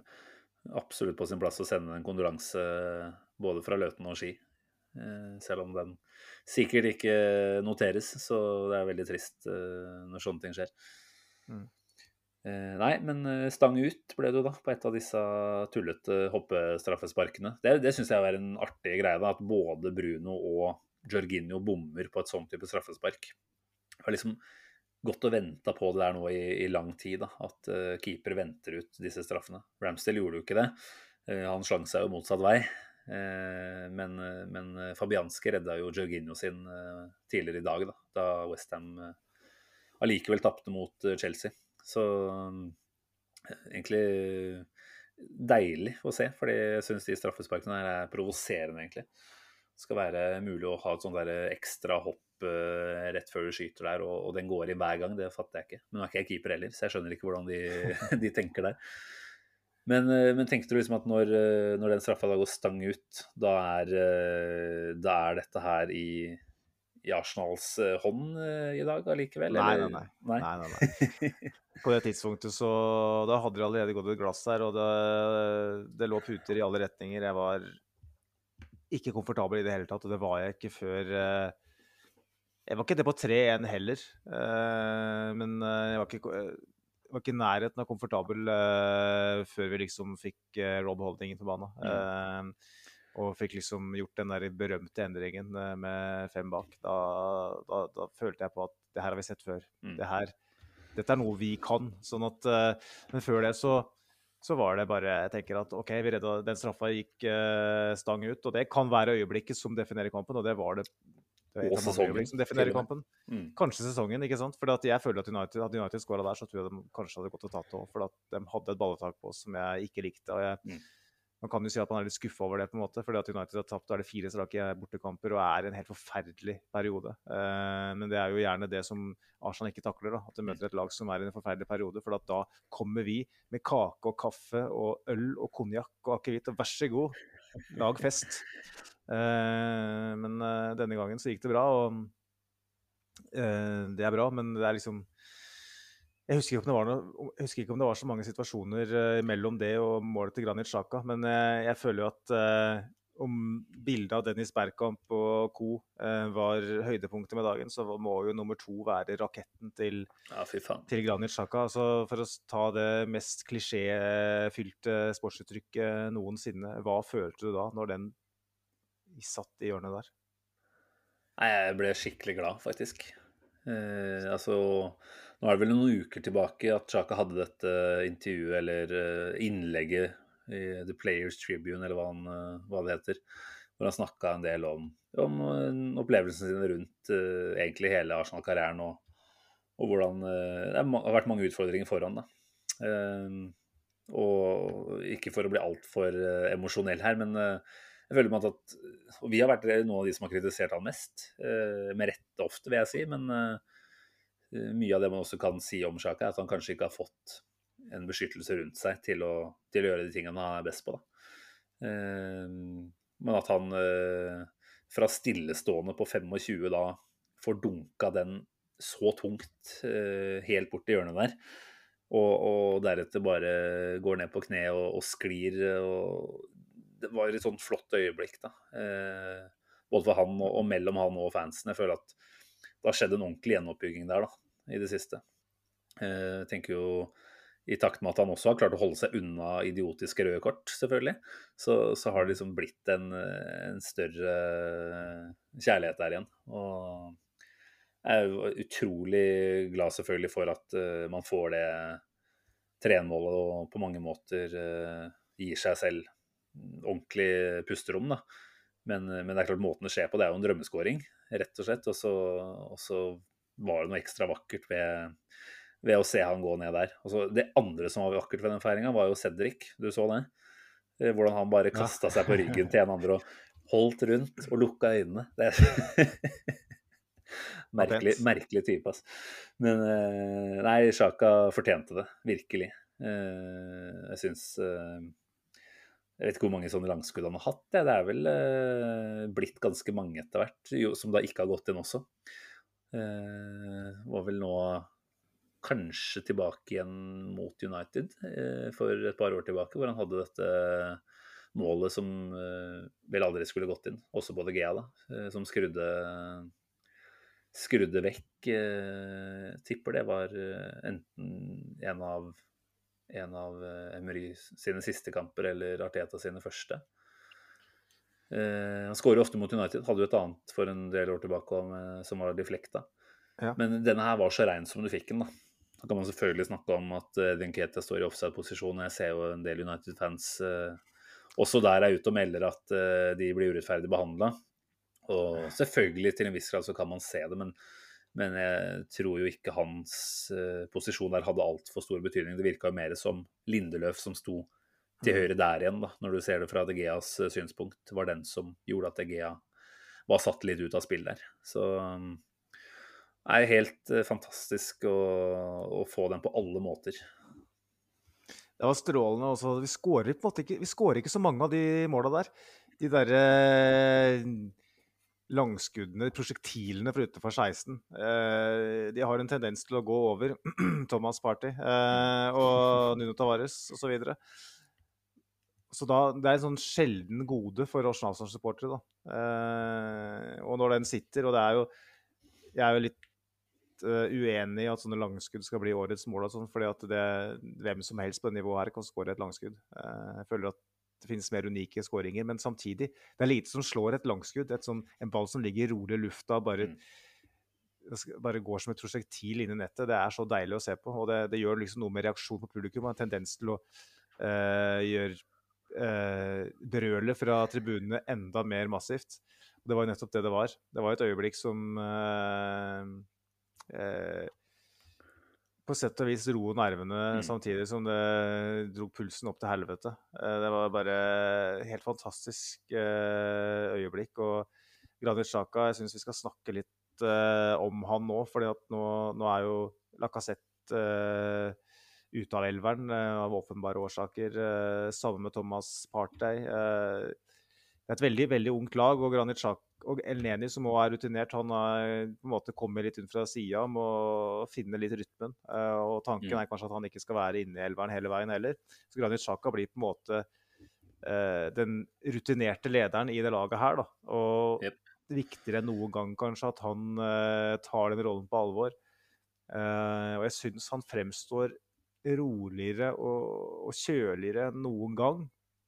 Så kan det være famous last words, og så gjør si. han noe dumt mot Westham neste helg. Men uh, for å ta litt tallene, altså, bare for å måte, oppsummere litt hva han holder på med. Han vinner flest hodedueller av Arsenal-supportere. det er sikkert noen Arsenal-supporter som vinner hodedueller i går òg, det tviler jeg ikke på. Men av de på banen så vinner han flest hodedueller. Han har flest ballgjenvinninger. Det er to i begge tilfeller, bare for å påpeke det. Han har nest flest pasninger. Uh, kun Elneni som har én mer. Han har 70, 70 pasninger. Det er ganske mye en sånn type kamp hvor det er mye eh, kaos. Han hadde jo til sammenligning, når han spilte sammen med Thomas Party, så hadde han gjerne bare 30-40, eller 40-50 kanskje, eh, når Arsenal styrte kamper. For da tok han en helt annen rolle. Han har jo vært, blitt tvunget til, igjen til å ta en større eh, rolle. Han har blitt, fått nøkkelen igjen til midtbanen, og vi har vært litt bekymra for hvordan det skal gå. Denne kampen her så, så gjør han bravur. Han, han har 94% treff på 70 mm. pasninger. Det er ganske heftig igjen i en sånn type kamp hvor det er armer og bein i alle retninger. Eh, han lager ikke et eneste frispark i hele, på hele kampen. Eh, han har fem såkalte progressive carries. altså Han tar med seg ballen fem ganger inn i farlig sone gjennom ledd. Eh, noe det Thomas Party gjør, som vi har savna noe grenseløst etter, etter, at mm. han ble skada. At Granit Sjaka av alle tar et sånt ansvar. Det syns jeg er eh, nesten rørende. Ødegaard er den eneste på banen med flere. Han har seks. Han har bare én mer. Eh, bare og han spiller jo da åpenbart i en høyere bane, ja, ja. sånn at, at Granit Sjaka da eh, tar et sånn type ansvar. Så, altså han, han, gjør så mye mer enn det vi kanskje er vant mm. til å se han gjøre. da. Eh, nei, det det er, så viktig, det. Og hvis han kan fortsette med det, så, så har vi på en måte klart på sett og vis, da, sammen med Elneni, klare å dekke over bitte, bitte litt av det tapet som vi får med Thomas Partey, og det, det, trenger vi. Det var nettopp det jeg skulle si. For det, du kan på en måte ikke si at verken Elneni eller Sjaka alene på en måte gjør eh, partyjobben 100% Men eh, sammen nå så, så, utfyller de jo eh, i hvert fall mange av de midtbanefunksjonene som vi får med Party. Og jeg tror mm. disse eh, progressive carriesene som du snakker om, de hadde vel kanskje ikke skjedd eh, med, med, noen andre enn El Neni ved siden av heller, da. Eh, en Lokonga inn der hadde kanskje ikke gitt Chaka den samme muligheten til å, å drifte med framover. Så jeg vil jo der igjen si at, eh, at Arteta treffer godt da, når han setter uh, den midtbanekonstellasjonen her i disse to kampene. Jeg føler at den har det er kanskje rart å si stabilisert oss og vært en, vært en sånn grunnmur å bygge på. For det har vært som du sier, mye kaos i kampen både mot mot Chelsea og nå mot United. Men eh, ja, det har vært kaos som har gitt oss veldig mye glede, da. Og, mm. og, og som du sier, når man klarer å holde hodet kaldt oppi dette her eh, Han hadde vel én gang hvor han sparka vekk ballen i frustrasjon. Så det, det, er jo akkurat der det skal være, egentlig, fra Chaka. Eh, men, men, da syns jeg han gjør, gjør, seg fortjent til den banens beste han får fra Arsenal-fansen. Det var vel Ødegaard som fikk den på BT Sport, var det vel. Eh, men at eh, Chaka fikk den etterpå, det syns jeg egentlig var helt eh, nydelig. Jeg tror han, han er en type som med den historien han har i Arsenal og opp mot fansen, virkelig setter pris på en sånn, en sånn type anerkjennelse òg. Så ja, vi får som du sier, håpe at dette her i hvert fall holder de neste fem kampene nå. At man fortsetter uten de store fuckupsa. Ja, og så har vi fått inn et spørsmål fra Andreas Mathiassen på Twitter, Magnus. Eh, I tråd med det vi akkurat har prata om nå, er Chaka viktigere enn Party? Eh, jeg tror jeg veit hvor jeg ender i, i svaret her, men, men, hva sier du? Eh, det er jo fristende å si ja på én måte, fordi at Granit Xhaka viser at han har evnen til å holde seg tilgjengelig hele veien. Sånn at man ønsker kanskje på et vis at han er viktigere, hvis du skjønner. Mm.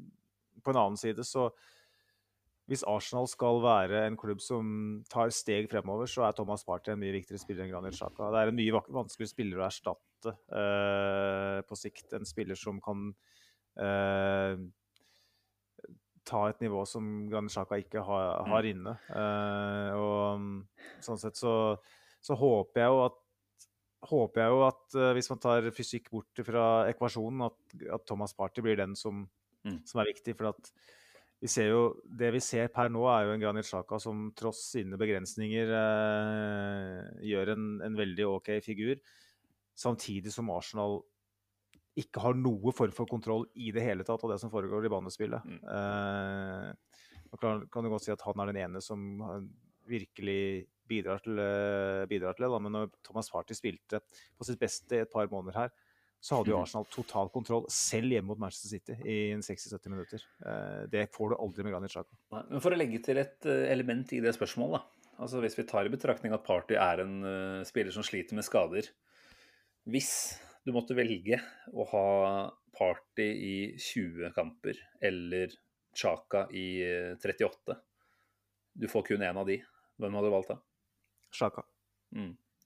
For det er jo en kvalitet i seg selv. Det er alltid å være tilgjengelig. Og er det en til Chaka har vært i Arsenal-karrieren, så er det å være tilgjengelig. Han spiller vel omtrent alt, og har vel også når vi har vært i Europa, spilt uh, uke etter uke to kamper i uka, da. Så uh, jeg syns jo ja, nei, Om han ikke er undervurdert, så er han i hvert fall tidvis underappreciata. Og det er mange gode grunner til å, til å gi han litt ekstra kjærlighet i neste uke nå. Altså For alt vi vet, uh, så kan det jo være at han er på vei bort etter den sesongen her òg. Mm. Jeg heller vel kanskje mot at han blir. Uh, det skal gjøres mye eh, spillelogistikk i den sommeren her, og nå har vi Chaka på det er vel to år til etter den sesongen her. Så det er ikke noen sånn åpenbar grunn til å kvitte seg med han. Eh, vi kan fortsatt få noen kroner for den eh, neste sommer også. Men eh, vi får se hva som skjer der. Vi har fått en del bra andre spørsmål også, Magnus, men, men før vi skal hive oss i kast med dem, så syns jeg det er på sin plass å, å ta noen ord til om Holdini, som nok en gang kom inn. Du, du var inne på det i stad. Han kommer inn, og er det én ting vi har lært oss nå, så er det at når Holding kommer inn, da låses kampen. Da vinner Arsenal. Hva har du å si om uh, vår hårfagre venn? All hail Bobby Holdini, ass. Jeg, jeg, etter kampen i går så hadde jeg lyst til å gi man of the match til. Fordi at vi hadde altså, som nevnt, ingen kontroll i den kampen her før Rob Holding kommer inn og gjør den uh, gesten som han alltid gjør med fingrene sine. Er det fem, uh, tre, eller fem-fire eller hva han gjør? Mm. Og da er det bare OK. This is it.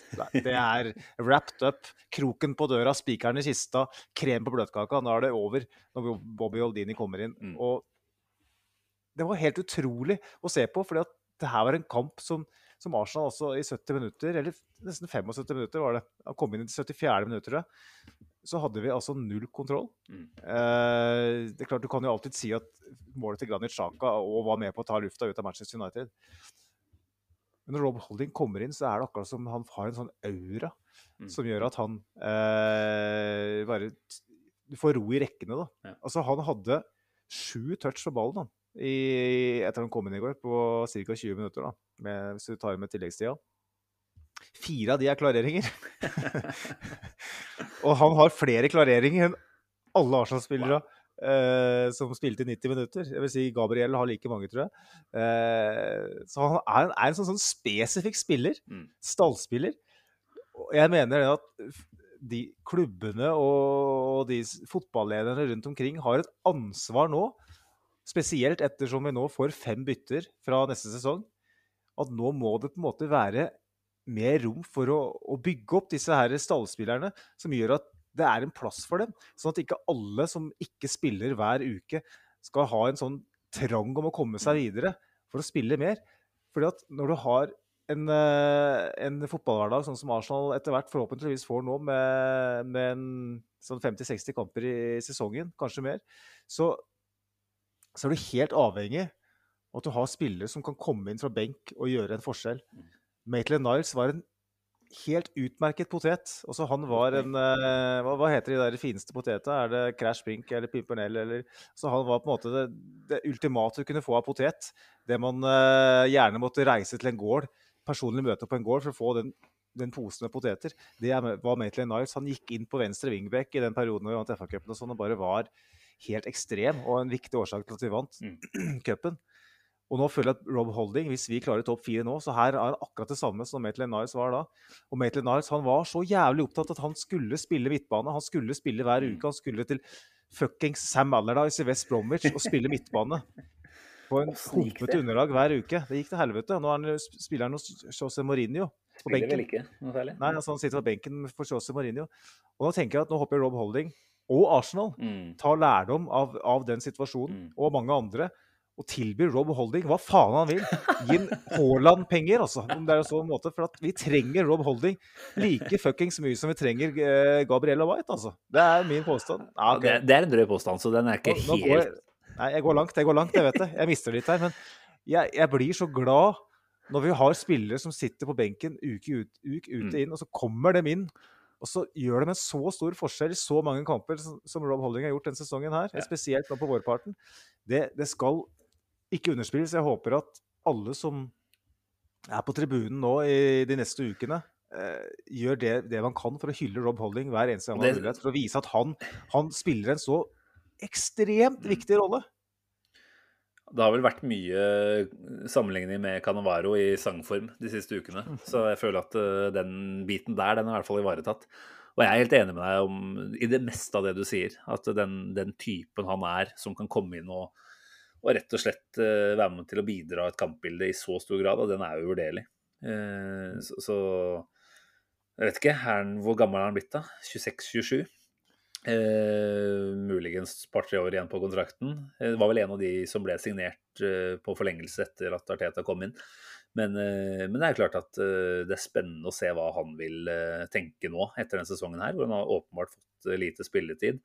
Eh, hvor han sannsynligvis er innforstått med at eh, man i hvert fall ønsker en Saliba tilbake. Og om ikke Saliba, så i hvert fall en annen eh, tredjestopper. Eh, da er jo fort Rob Holding sånn et, i utgangspunktet det fjerde valget, da. Som selvfølgelig fortsatt kan komme inn og gjøre akkurat de innhoppene som han har gjort nå. Men eh, det blir veldig spennende å se om han er eh, en type som tar til takke med det, da, eller om han vil eh, jakte nye marker andre steder. For det, det er jo mange som har gjort det, uten at gresset var så veldig mye grønnere på andre siden. Så det er klart Arsenal nå med, med mye kamper forhåpentligvis i neste sesong, da. Det, det vil jo også by på, på en del mer spilletid, naturlig nok. Nå kommer han jo inn fra start mot eh, Chelsea. Så klart, spiller vi tre kamper i uka, eller hva de sier, to-tre kamper i uka, så, så kommer han til å få tida si, han altså. Men, eh, nei, på sin rette plass å, å hylle han litt også. Det er vel eh, helt uh, fantastisk. Jeg vet ikke hvor mange innhopp han har. Jeg. Det må vel kanskje begynne å nærme seg, om ikke Solskjær-nivå, så, så i hvert fall noe i nærheten.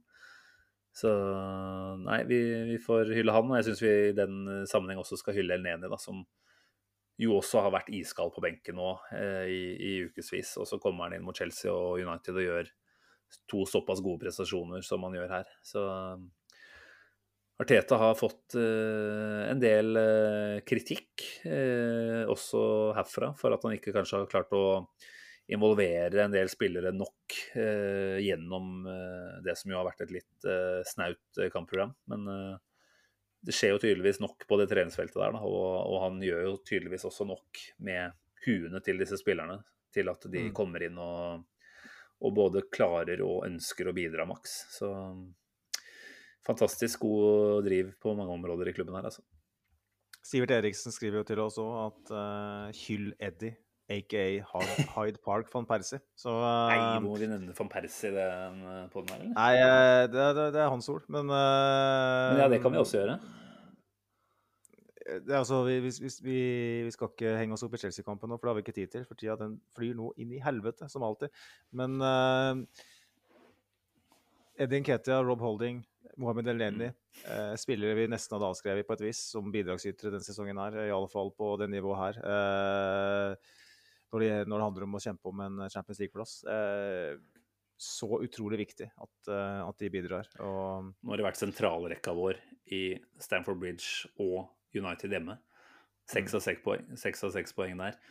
Det er eh, Nei, Nketia må også få store mengder ros for eh, Og jeg, jeg syns jo Arteta er fin også når han går så langt som å rett og slett beklage at han, var, at han tok feil, omtrent. da.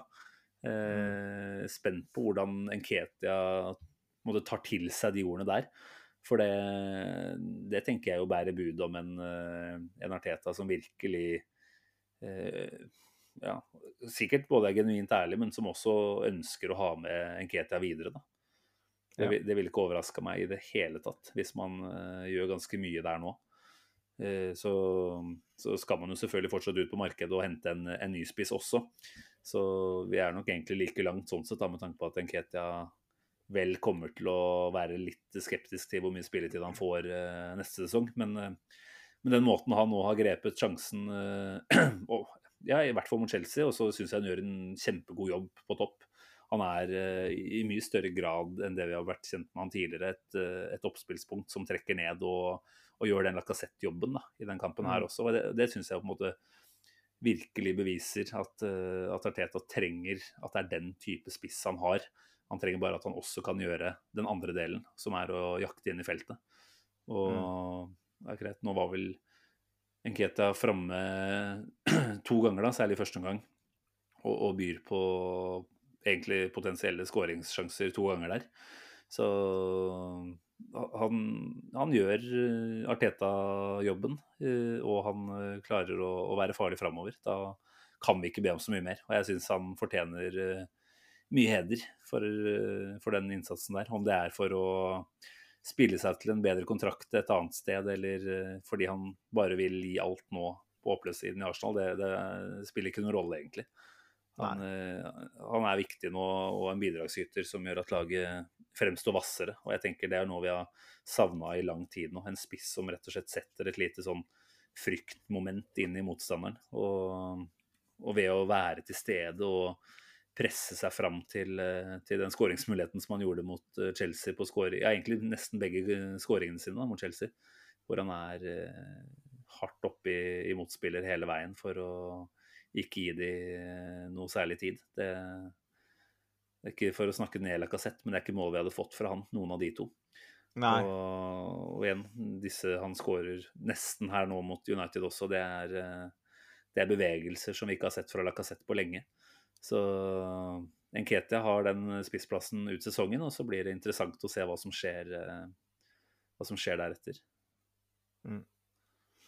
Altså, han stiller jo spørsmål til, eh, til, motstander som Arsenal ikke har stilt på ganske lenge. Eh, og skaper en uforutsigbarhet eh, i form av å være et aktivum på den måten som han er. Eh, han kan både trekke ned og ta imot ball. Eh, og han kan gå i bakrom, og han kan løpe i kanalene. Mm. Eh, og som han vel har vært inne på sjøl, så i den, var vel, han var vel gjest i den der The Beautiful Game-podkast, han er stemme. Ja, stemmer. jeg, har, jeg, jeg, har bare sett utdrag av det, men uh, hvor han sier at uh, ingen spiss eller uh, fotballspiller kan, kan, forventes å vise hvem han er hvis man aldri får en, en run of games. Mm. Samtidig så, så, er det viktig å påpeke at i hans posisjon som utfordrer. Han har fått ganske mange innhopp. da. Mm. Eh, ja, det handler jo på en måte om å gripe muligheten litt. Grann. Eh, jeg syns han til dels har klart det eh, i noen kamper, men han har jo ikke skåra i Premier League vel før en Chelsea-kamp denne sesongen her. Tror jeg. Kanskje har han ett som ikke jeg husker på, men eh, mm. Eh, men han griper den muligheten her med begge hender, og nå, nå tenker jeg at han er eh, åpenbar i, i førsteelveren. inntil han serverer en, en, stinker på et eller annet tidspunkt. Det håper vi slipper å se, men uh, det, er, det, er, deilig. Um, og vi, vi, på en måte er komfortable med at, uh, at spissalternativet vårt ikke skal være her neste sesong. Og da må vi på en måte velge uh, det alternativet som per nå er har mest å by på, og da er det ikke tvil om at det er Nketia. For uh, Lacassette har på mange måter spilt seg ut, og. Nketia har spilt seg inn. Ja, så enkelt er det. Jeg er helt enig. Vi hopper videre til et nytt spørsmål, siden vi først snakker om spisser. Jeg vet ikke om vi kan ta det her da. Det er, et overgangsspørsmål for så vidt, men eh, det passer jo egentlig litt inn her. da. Lars Ramstad på Twitter eh, skriver Gabriel Jesus er han spissen vi trenger. Eh, og det er jo da godt timet etter at han har skåra fire mål mot Watford, var det vel. Mm. Nå vet vi jo åpenbart altfor lite om hvem som blir igjen her til neste sesong, men vi, vi, skal vel sannsynligvis ut og hente to spisser, da. Eh, som Gabriel Jesus er spiss nummer én eller to i så måte. Det er jo ikke helt godt å si, kanskje, men, men hva tenker du om det navnet der? Uh, det er vanskelig, fordi at uh, Jesus, han har, Jesus nå begynner, å, nå begynner å snakke litt vel uh, Hva skal jeg kalle det? Nå er jeg så tom. Men han han er en spiller som har blitt brukt uh, i flere posisjoner, spesielt denne sesongen her, som spilt mye på høyresida.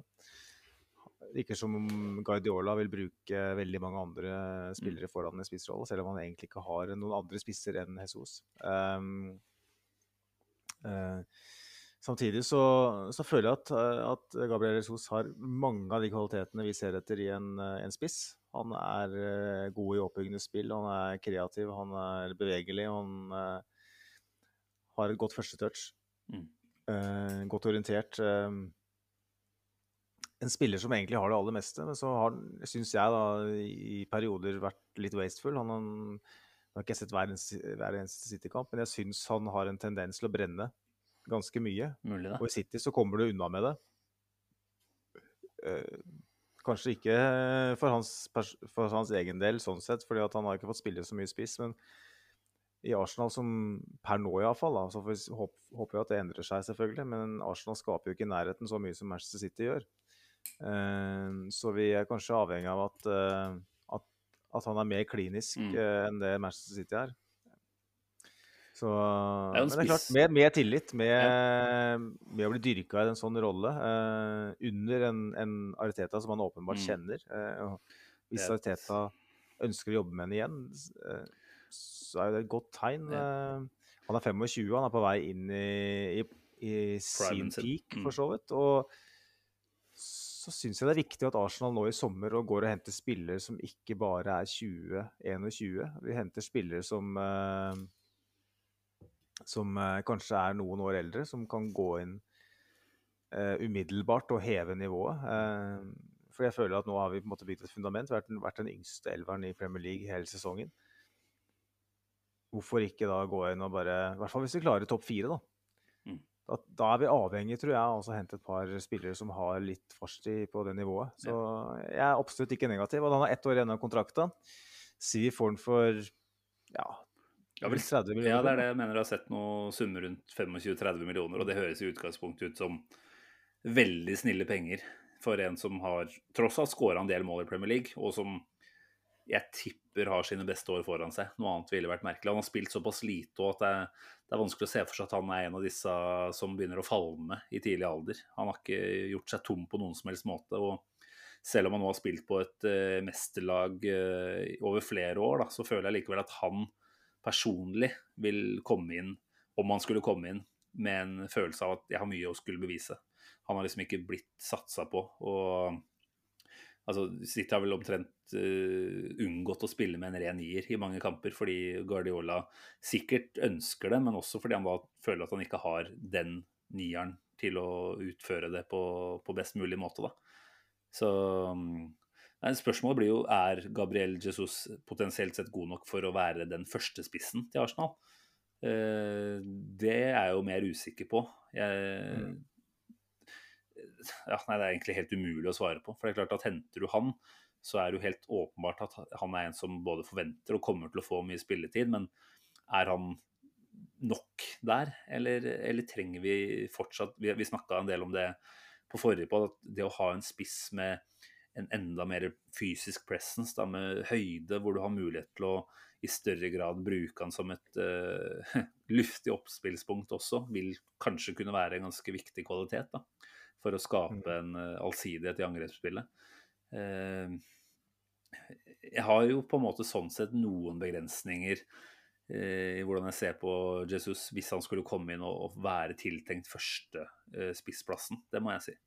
Men, eh, men, selvfølgelig i utgangspunktet det å hente en spiller fra et City som sannsynligvis har mer å gå på og for en OK penge, det, det høres bra ut, det, altså. Jeg, jeg syns det er et viktig poeng det med, med luftstyrke, da. For um, jeg, jeg, føler jo at Ariteta er på jakt etter en type som kan være en trussel i luftrommet. Mm. Eh, jeg føler at Ariteta er en fyr som, som på en måte leter etter uh, marginal gains da, i alle mulige sammenhenger. Uh, vi så jo Arsenal kjøre lange innkast, Stoke-nivå, uh, for Var det ikke i februar eller noe rundt der, mot Wolverhampton? Mm. Eh, altså det, det, jeg tenker når, når, man er i en situasjon som Arsenal, som ikke alltid klarer å spille seg gjennom sentralt, eh, og det tror vi må regne med at vi fortsetter med til dels eh, Det tar tid å bygge et, eh, et kollektiv som kan kjempe med de beste i England så mange innlegg som Arsenal slår, at Arteta ikke tenker at vi trenger en som kan være på enden av de iblant, det, det klarer jeg ikke å se for meg. Sånn at jeg, jeg tror at uh, om eh, Gabriel Jesus er eneren, det kan godt hende, men jeg er helt sikker på at uh, i så fall at nummer to er en som er farlig i luftrommet. Jeg, jeg heller vel kanskje mot at, at Gabriel Jesus er en, et alternativ. En som er anvendelig, som kan mm. spille høyrekant, kan mm. spille spiss, kan sikkert gå inn på venstresida òg. Uh, som da skal være et alternativ, en konkurrent til til et mer rent spissvalg som kommer inn. For vi trenger to spisser. og hvis vi får Det er noe med at hadde Arsenal henta Gabriel Jesus hvis han hadde, hadde kosta 50-60 millioner pund, det tviler jeg på. Det, her er en mulighet. Mm. Fordi at han har en kontraktsituasjon som gjør at vi kan hente den.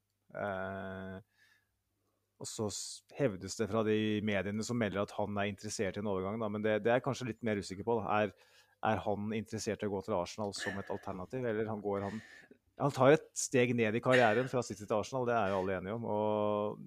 Jo, klubbmessig så gjør han jo det, men når man, som jeg sa, føler det personlig, da, hvor han da kanskje vil få en mer sentral rolle Jeg vil jo tro at det har vært, om ikke en lovnad, så en ganske sentral del av disse samtalene. Hvordan Arteta tenker å bruke, og det bruker han. Og det vet vi jo fra tidligere saker, at hvis Arteta først får noen på kroken og begynner å kunne godsnakke med dem, da da er det stort sett ikke så lang vei til en uh, overgang, da.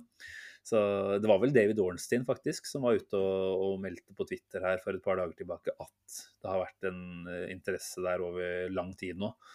Uh, det var vel ikke han som skrev at det har vært kontakt mellom både klubber og, og klubb og spiller. Men, men, det er klart at når vi vet at båndene til Arteta er så tette, sannsynligvis, både inn mot uh, City-hierarkiet og sikkert også da Jesus personlig. Så, så, er det mange ting som kan tyde på at dette her uh, fort kan finne på å, å, skje, altså. Sannsynligvis avhengig av om det blir Champions League eller ikke til slutt, kanskje. Mm. Ja, nei, men bra. Eh, ser at vi går langt på overtid her allerede. Vi har en X-spillerspalte å se fram til mot slutten nå, så for at vi skal ikke bruke altfor lang tid for det, så får vi hive oss i gang med neste spørsmål, tenker jeg. Eh, vi gjorde oss jo ikke helt ferdig med alle samtaleemnene i kampen. Eh, Stian Børling på Twitter skriver til oss, eh, eller spør, hva skal til for at en motspiller skal få rødt kort? Hjelpes meg for noen taklinger vi ser påført våre spillere, og det blir ikke noen gult kort. Uh, og han sikter vel først og fremst da til det Bruno Fernandes uh, gjør etter er 75, ikke så lenge etter at den 3-1-skåringen er et faktum. Uh, Nuno Tavares er det vel som er på ball. spiller ballen og får jo da servert noen skruknotter i, i ankel-leggeområdet ganske så lenge etterpå. jeg vet at du har vært ute og tvitra litt om akkurat den der, Magnus.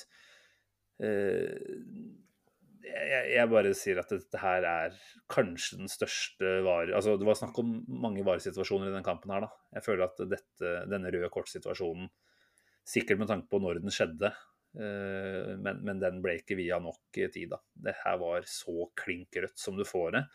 Og hvis det ikke er disse her situasjonene VAR er lagd for, så fatter jeg ikke hvorfor vi bruker det engang.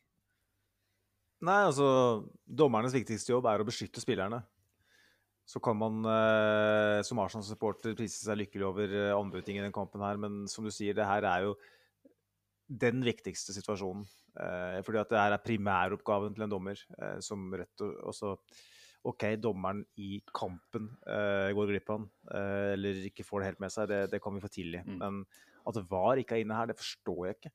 Og så du ser at Bruno Fernandes er to uker for sent.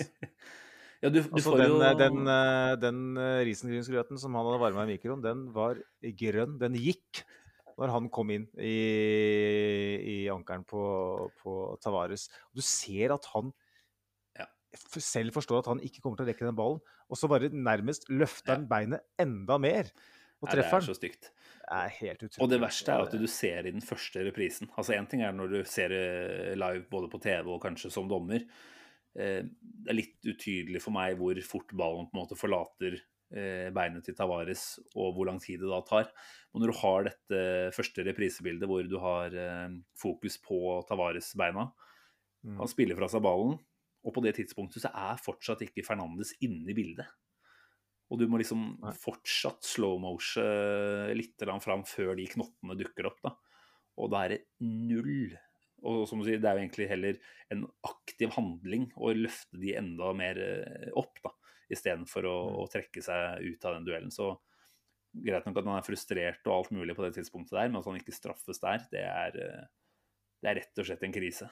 Det er en skandale, faktisk, at ikke det blir rødt kort. Og det er jo egentlig bare flaks at ikke den eh, ender opp som en stygg skade. Ja, det er eh, en av mange taklinger i Premier League, og som Stian er inne på, hva skal til for at det skal bli rødt kort? Arsenal er nok en av de lagene som eh, oftest er gjenstand for slike typer taklinger. Det er fordi at vi har mange unge tekniske eh, spillere som, er, som man kanskje i utgangspunktet ønsker å røffe litt opp. Eh, som man lett blir frustrert over, fordi at de gjerne kjører to og tre overstreksfinter og, og Altså, du vet, vet hvordan det funker. Uh, men det, det er en holdning, en utdatert holdning i, i, på Balløya som vi er nødt til å bli kvitt. Uh, eller det man er nødt til å bli kvitt. Uh, hvor det på en måte er en veldig aksept for å holde på på den måten der. Det faktum at straffesituasjonene i Manchester United sine straffesituasjoner er det man snakker om, det er egentlig litt trist. fordi at her er det snakk om en ung spiller som kunne ha fått beinet sitt knekt i to hvis det hadde vært litt annen timing på det. Og vi ser det gang på gang på gang. Vi så det mot Aston Villa med Bukayo Saka. Vi, har, vi så det mot Chelsea over. Var det ikke en situasjon der òg? Jeg husker ikke hvem som var uh, Jo, inne i det var der. Mason Mount som der også takla både Tavares først, og så knotta rett inn i Cedric. Stemmer. Så det, det er liksom Det handler om at eh, At det er en aksept for å holde på på den måten. Mm. Og inntil vi får bytta ut de organene som sitter på toppen i dag i engelsk fotball, så kommer det til å fortsette og fortsette. og fortsette. Dessverre. Til Stian. Beklager å si det. Det er jeg helt sikker på. Dette her er, eh, dette her kommer vi til å oppleve igjen og igjen i årene som kommer. Og så, så spør jo da Stian hva skal til for å få et rødt kort eh, mot Arsenal. Jeg måtte jo bare inn og titte, for jeg ble litt sånn Hvor mange røde kort har vi faktisk fått? Eh, altså påført motspillere da, i kampen mot oss. Jeg kan ikke huske hvilke, men ifølge eh, nettsiden FBref så er det da to ganger at motstander har fått utvisning eh, mot oss. Eh, Det er vel uh, Sjofal i hvert fall for Vesta. Stemmer, det var jeg med. ja. Den eh, husker jeg. Den var jo en, den, det var en av de som kanskje ikke var så klare. mm. Litt sånn typisk, da. Men nummer to er jeg mer usikker på. Ja, nei, jeg kan ikke si at jeg husker det selv. På den annen side, hvis man skal stole på denne sida her, da, eh, så har Tottenham fem eh, anledninger hvor motstanderen har fått utvist eh, spiller. Så det er forskjell på folk. Ja, vi, vi, vi tar ikke den nå. Da blir klokka over i morgen. Enig. enig. Nei, men Greit. Eh, Ett spørsmål til som jeg syns vi skal eh, bruke litt tid på før vi går videre til X-spillerspalte. Det er fra Nicolai Hagen på Twitter.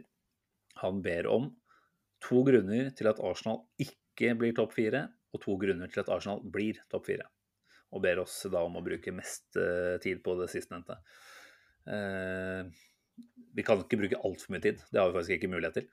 Men eh, to grunner til at Arsenal ikke blir topp fire, Magnus. Det burde være lett for deg som er pessimist av natur. Det er grunn nummer én er at Arsenal eh, per nå eh, er tilbake der vi var i fjor høst. Altså, vi trives best i broken play. Vi trives best når det er kaos. Eh, og hvor mange av de motstanderne vi har igjen, kommer til å gi oss den muligheten? Mm. Og hvor mange av de kampene klarer vi å vippe det i vårt favør? For at det er så mye tilfeldigheter. At hvilken som helst kamp kan gå i feil retning. Vi er ikke gifte nok offensivt til å liksom tenke at eh, vi vipper det i vårt favør uansett. Vi er ikke solide nok defensivt til å tenke at uh, vi klarer å, å stenge ute nesten hvem som helst. For at alle lagene i Premier League har, har sine trusler, uh, med unntak av et par helt i bånn. Mm. Eh, grunn nummer to er eh, Ja, hva skal jeg si? Jeg har jo ikke tenkt over det her, men eh, Det er jo lett å si det må vel eh, være rett og slett at Tottenham eh, har eh, Jeg vet at de har rota det til nå veldig i siste kampene, men jeg har en jeg så Liverpool på Anfield det er en kamp vi har tenkt at Tottenham kommer til å ryke mot, og jeg tror fortsatt det. Eh, men jeg så, så det mot Everton, og det er en sånn typisk kamp hvor Tottenham kan få litt bakrom. da. Mm. Sånn bak Alexander Arnold. Kanskje får de et resultat der. De har en Leicester hjemme som har Europaliga mot Roma i for, forkant og etterkant, som kommer til å legge alle eggene i den kurven. De har en Burnley og de har en Norwich, så kampprogrammet til Tottenham eh, Og kanskje en liten sneaky sjanse på at de kan få med seg noe fra Anfield, er vel det som er grunn nummer to. Ja, jeg, jeg, må bare minne om da at jeg tippa Tottenham-tap mot Burnley neste serierunde. Nå skal det sies at vi bommer mye der, men, uh, men, akkurat den føler jeg kan leve, altså. Med tanke på den uh, fighten som er mellom Everton og Burnley der. Så det er ikke sikkert det er det letteste konto å gå for å bryne seg på, faktisk. I tillegg til de grunnene som du nevner opp her, så tenker jeg jo at skadesituasjonen igjen vil potensielt kunne spille oss et negativt pust. da. Mm. Nå brukte vi litt tid på å omstille oss etter disse skadene til Tierney og Party. La oss krysse alt vi har for at vi slipper å måtte forholde oss til noen nye fravær. Eh, nå fikk vi jo for øvrig Tomiasu tilbake igjen, faktisk. Eh, litt sånn nesten ut av intet. Vi har jo nesten blitt lovt av nå i ukevis at han er rett rundt hjørnet, men så har han ikke vært i nærheten. Nå, han lever. Han lever. Han dukka opp og kom inn for Cedric der, og det, det er jo veldig, veldig gledelig. Men uh, det er jo på mange måter nok en påminnelse om hvor sårbart det er, da. Det å gå fra førstevalg til en backup-løsning.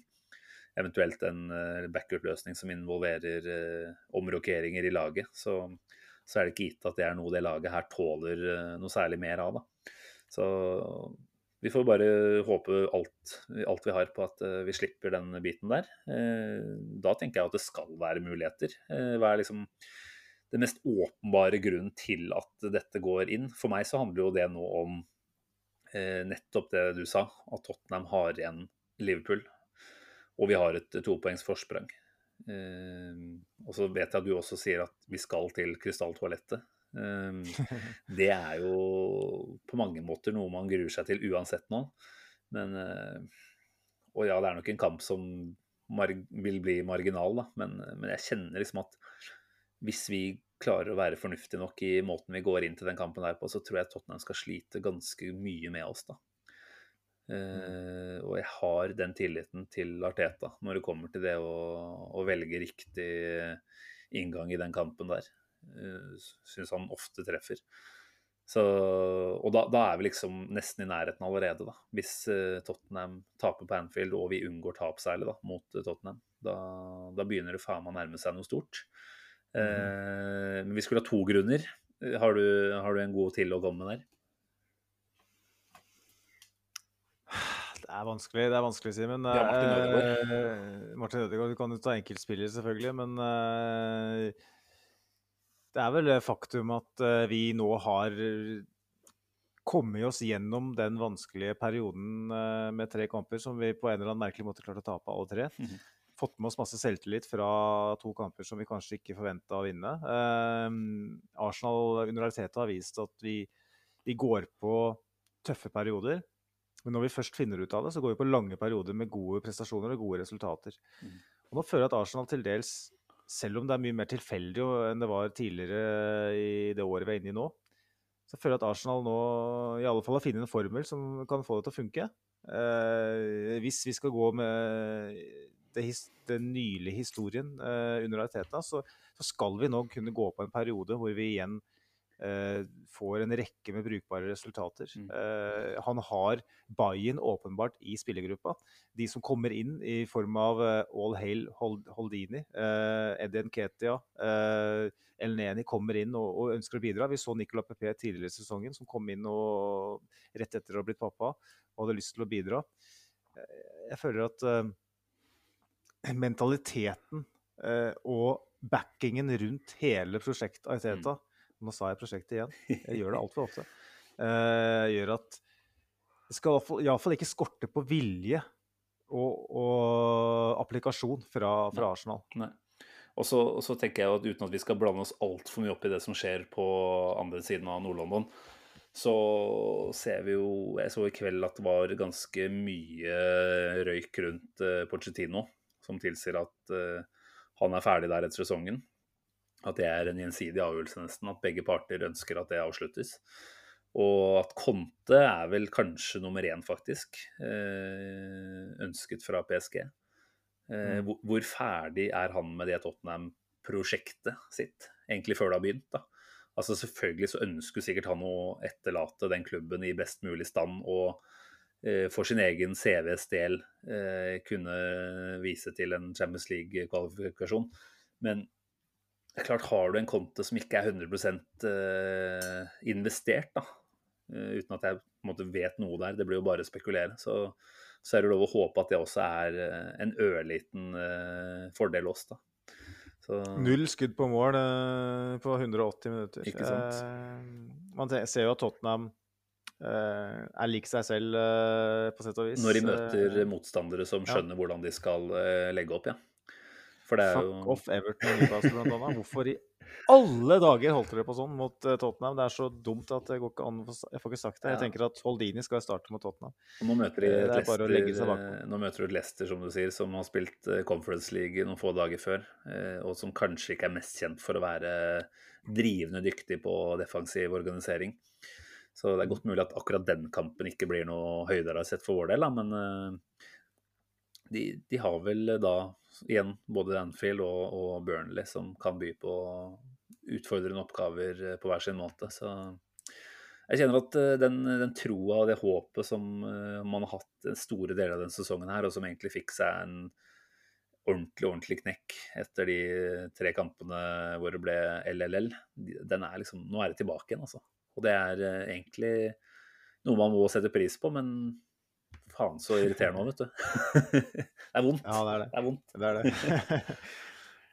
Nei, men bra. Eh, Da tenker jeg vi har svart ut greit på Nikolais spørsmål her. Så får vi bare si takk for alle gode innspill, og bare fortsette å komme med, med både spørsmål og eventuelle temaer, så, så skal vi prøve å få tatt opp det i neste pod også.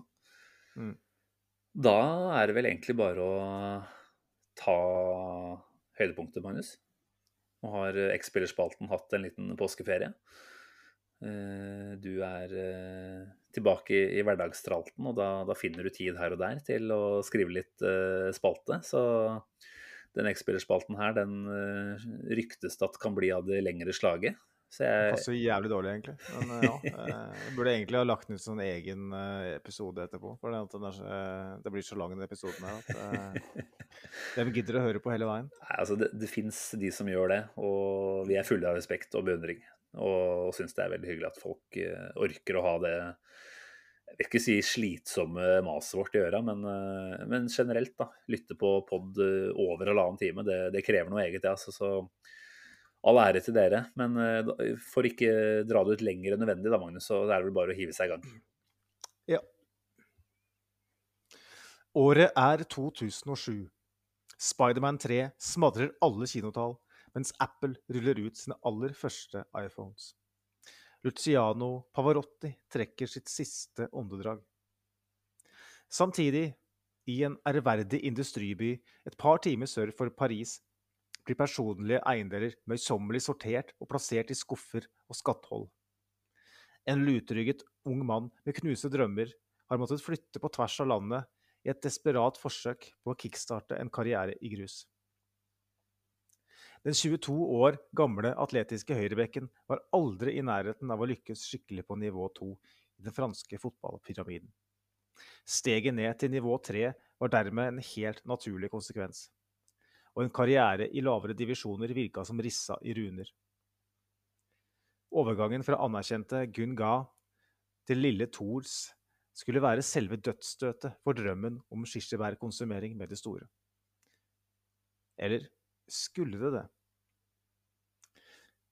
I sin nye klubb ble dagens X-spiller omskolert til midtstopper. Denne rekalibreringen skulle høste frem ferdigheter man tidligere ikke hadde dyrka. 22-åringen følte seg med ett mer bekvem, og han så seg ikke tilbake. I løpet av ett år som koloss i Thors midtforsvar hadde han lyktes med å lede klubben opp til nivå 2, nivået han tidligere ikke evna å ta. Men det var som høyrebekk. Som stopper skulle historien bli en helt annen. Ligaen, som tidligere slukte ham som en luftig loffskive, var nå blitt hans lekegrind. Den lutryggede posituren var forvandla til rakrygga eleganse. Og nå skulle det atter en gang bli skyfla inn i skatthold og skap.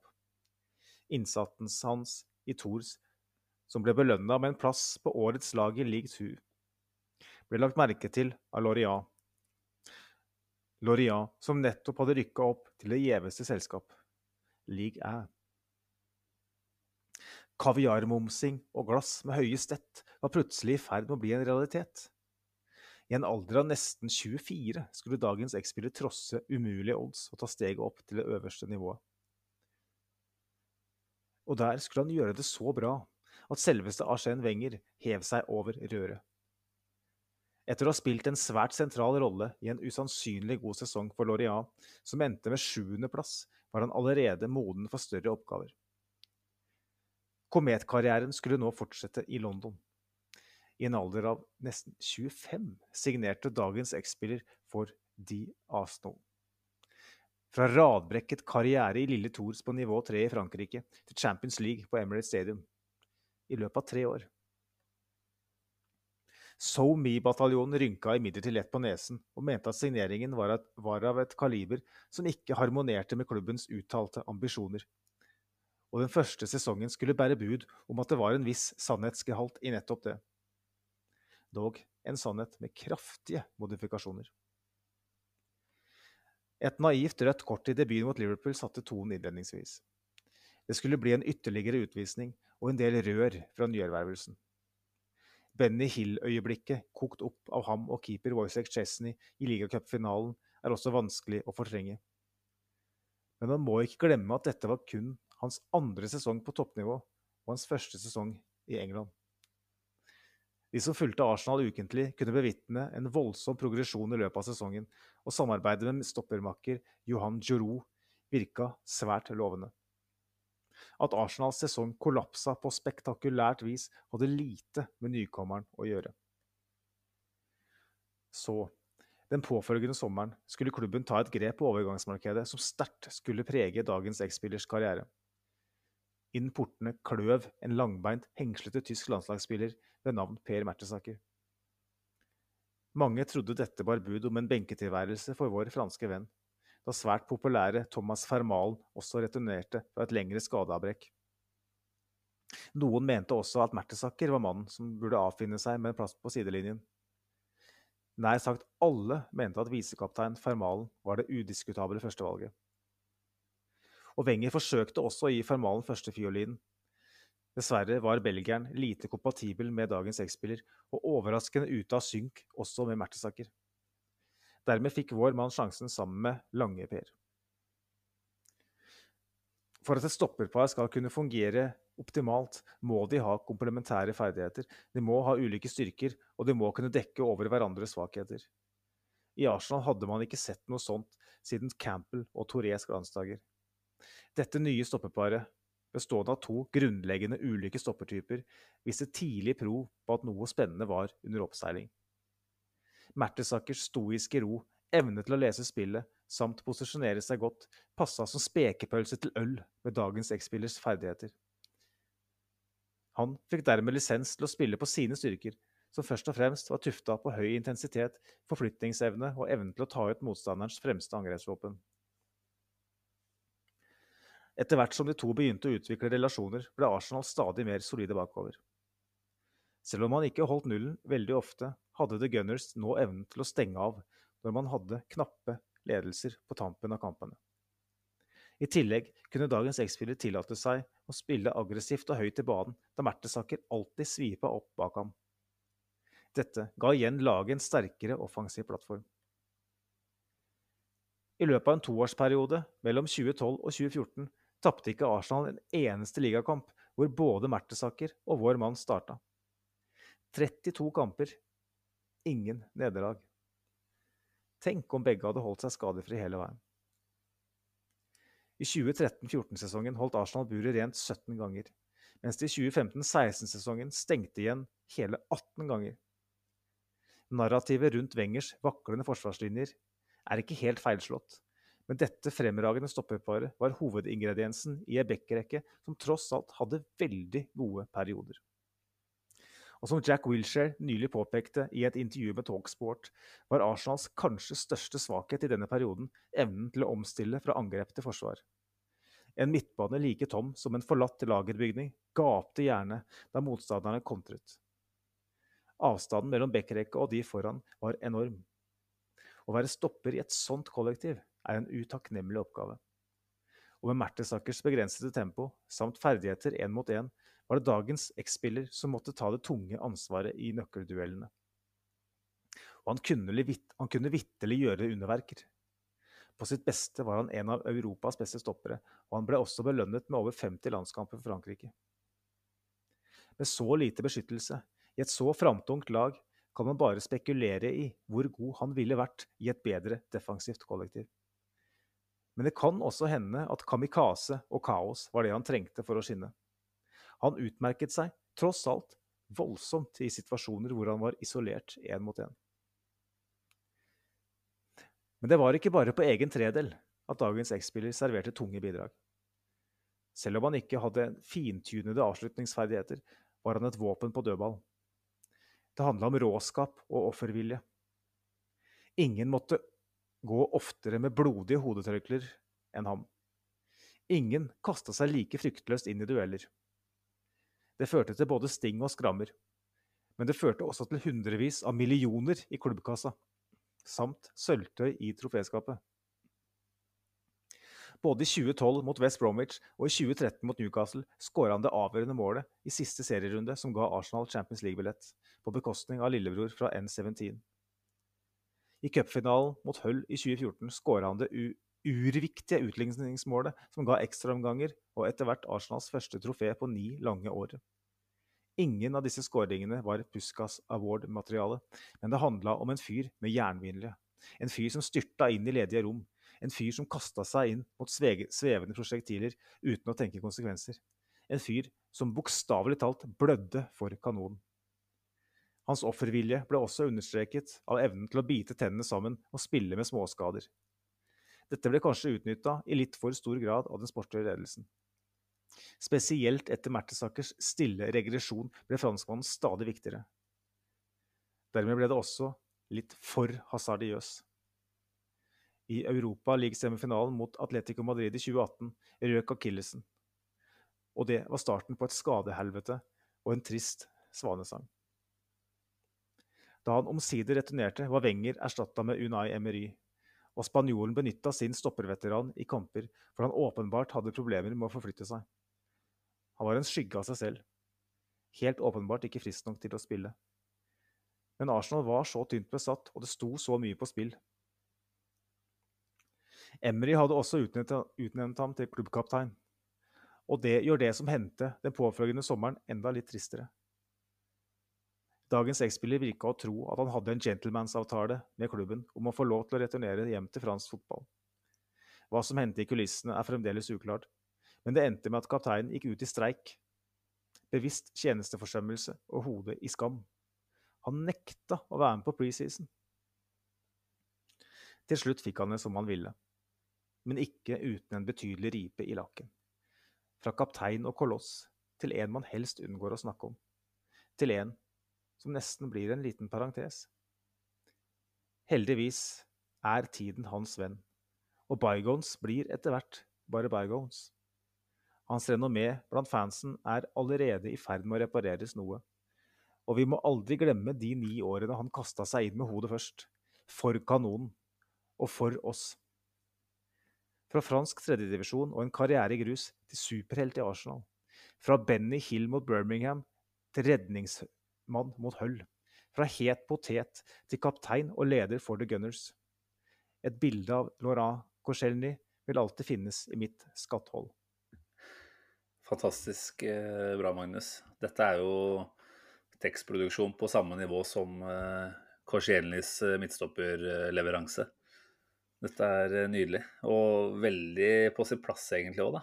Jeg hadde faktisk ikke tenkt at Korselny var en mann som skulle opp her med det første, men, eh, men definitivt har han jo fortjent det. Og jeg syns det er, eh, det er fint det du sier på slutten her om at dette litt mer langvarige etter, etterforholdet, som man jo gjerne får til spillere, begynner å, begynner å bli bedre.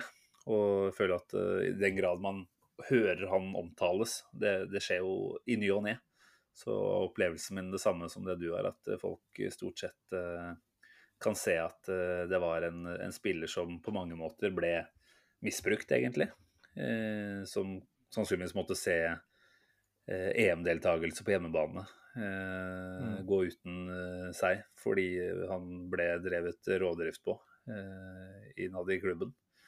Som sikkert hadde sine grunner for å gå til denne streiken. Og så toppa man jo det hele med denne draktseansen i, i, videoen til Bordeaux, men uh, ikke sant? da tilla, tillar, um, tillegger man jo også kanskje han litt uh, unødvendig mye negative forventninger, da, når du egentlig bare ser en spiller som tar av seg drakten til sitt tidligere lag og ikler seg drakta til sitt nye. Det er jo på mange måter ikke, ikke all verdens uhøflig å gjøre akkurat det. Um, Husker ikke om han kasta han tilbake, eller hvordan det var. Men uh, uansett, uh, tenker at det er en spiller som fortjener uh, først og fremst positiv omtale. Og hadde det ikke vært for at denne avskjeden ble på den måten, så hadde han jo vært ganske langt oppe, egentlig, på, på manges lister, tror jeg. Så det blir mm. interessant å se hvordan dette repareres, og kanskje ikke minst om det på et eller annet vis dukker opp noen ordentlige Det har vel ikke vært en ordentlig prat med Korselny om enden på Arsenal-visa? Har det det? Ja, nei, det har vært veldig vagt. Så spørsmålet er hvordan forholdet er mellom klubb og spiller. Mm. Eh, men det er klart det hadde vært veldig fint for alle parter om han hadde kommet med Eller om klubben hadde foretatt et intervju. Nå har han vel lagt opp veldig nylig, Stemmer. sånn jeg forsto det. Det har vært noe rør der om eh, noe mistanke om rasisme og sånn. Ja, det har ikke jeg fått med faktisk. Med, med Jeg tror det er blåst ut av alle proporsjoner. Men mm. uh, hele karrieren hans uh, har jo kollapsa på et vis som ikke er bra. altså Først det med Arsenal. og Jeg syns det er utaktisk det han gjør med den drakta. for at, ok, Hadde det vært en ordinær overgang uten streik i forkant som kaptein, ja. så hadde jo det ingen brydd seg om det. Men når det, når det på en måte har det bakteppet, så blir det jo litt useriøst å holde på sånn. Og det burde han kanskje ha skjønt, uten at jeg mistenker han for å, for å gjøre noe bevisst sånn sett. Uh, og så ble Bordeaux-karriera veldig eh, prega av skader og uten evne til å bidra mm. særlig der. Og så ble det dårlig stemning mellom han og fansen, og så ble det noen rasismeanklager. Og ja, hele parti, altså. situasjonen bare sprengte opp i trynet hans, på en måte. Og ja. er det én ting han kunne ha gått av nå, er jo å snakke ut om det i offisielle kanaler, spesielt Arsenal, som var så mm. lenge. Ni år, tror jeg det var. Eh, og da tror jeg ni av ti Arsenal-supportere ville ha tilliten på flekken.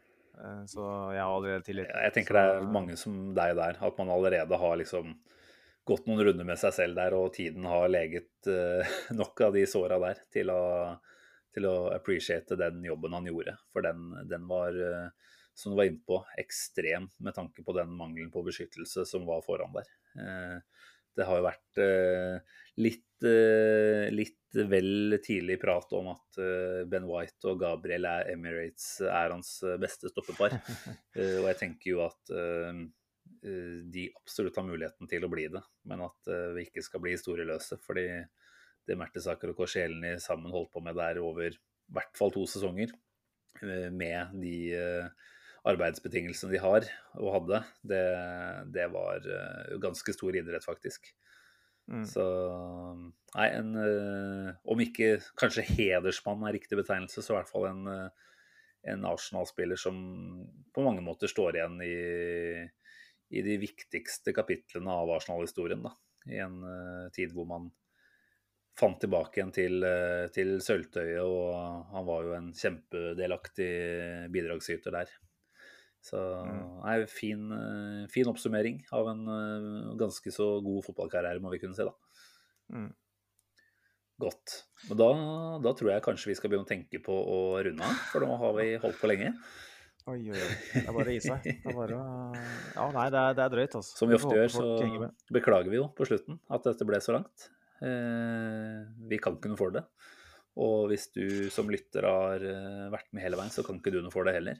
Da, da er du like oppi dette Arsenal-livet som det vi er. Og det er jo et, eh, et, herlig sted å være akkurat nå, med fem kamper igjen av sesongen og alt å spille for. Eh, masse å håpe og tro på. Vi skal ikke snakke om, om Westham-kampen nå, Magnus, for det har vi rett og slett ikke tid til. Men eh, vi krysser fingra for at eh, et Westham som har eh, ganske mye fokus på Europaligaen, kan være en eh, overkommelig oppgave eh, om en ukes tid. Mm. Og så kan vi vel i hvert fall love å være tilbake med en ny pod eh, på mandag morgen også om en uke. Da er vi nok tilbake, vet du. Så får vi satse på at vi, er like, at vi bruker litt mindre tid, men er like fornøyd. Vi prøver. si. Vi prøver. Yes. Og så tenker jeg at vi bare runder av der, jeg. Takk for eh, laget til deg. Eh, takk for at du som lytter holder ut med oss. Det setter vi veldig stor pris på. Sier vi bare på enør om ikke så altfor lenge. Ha det, ha det.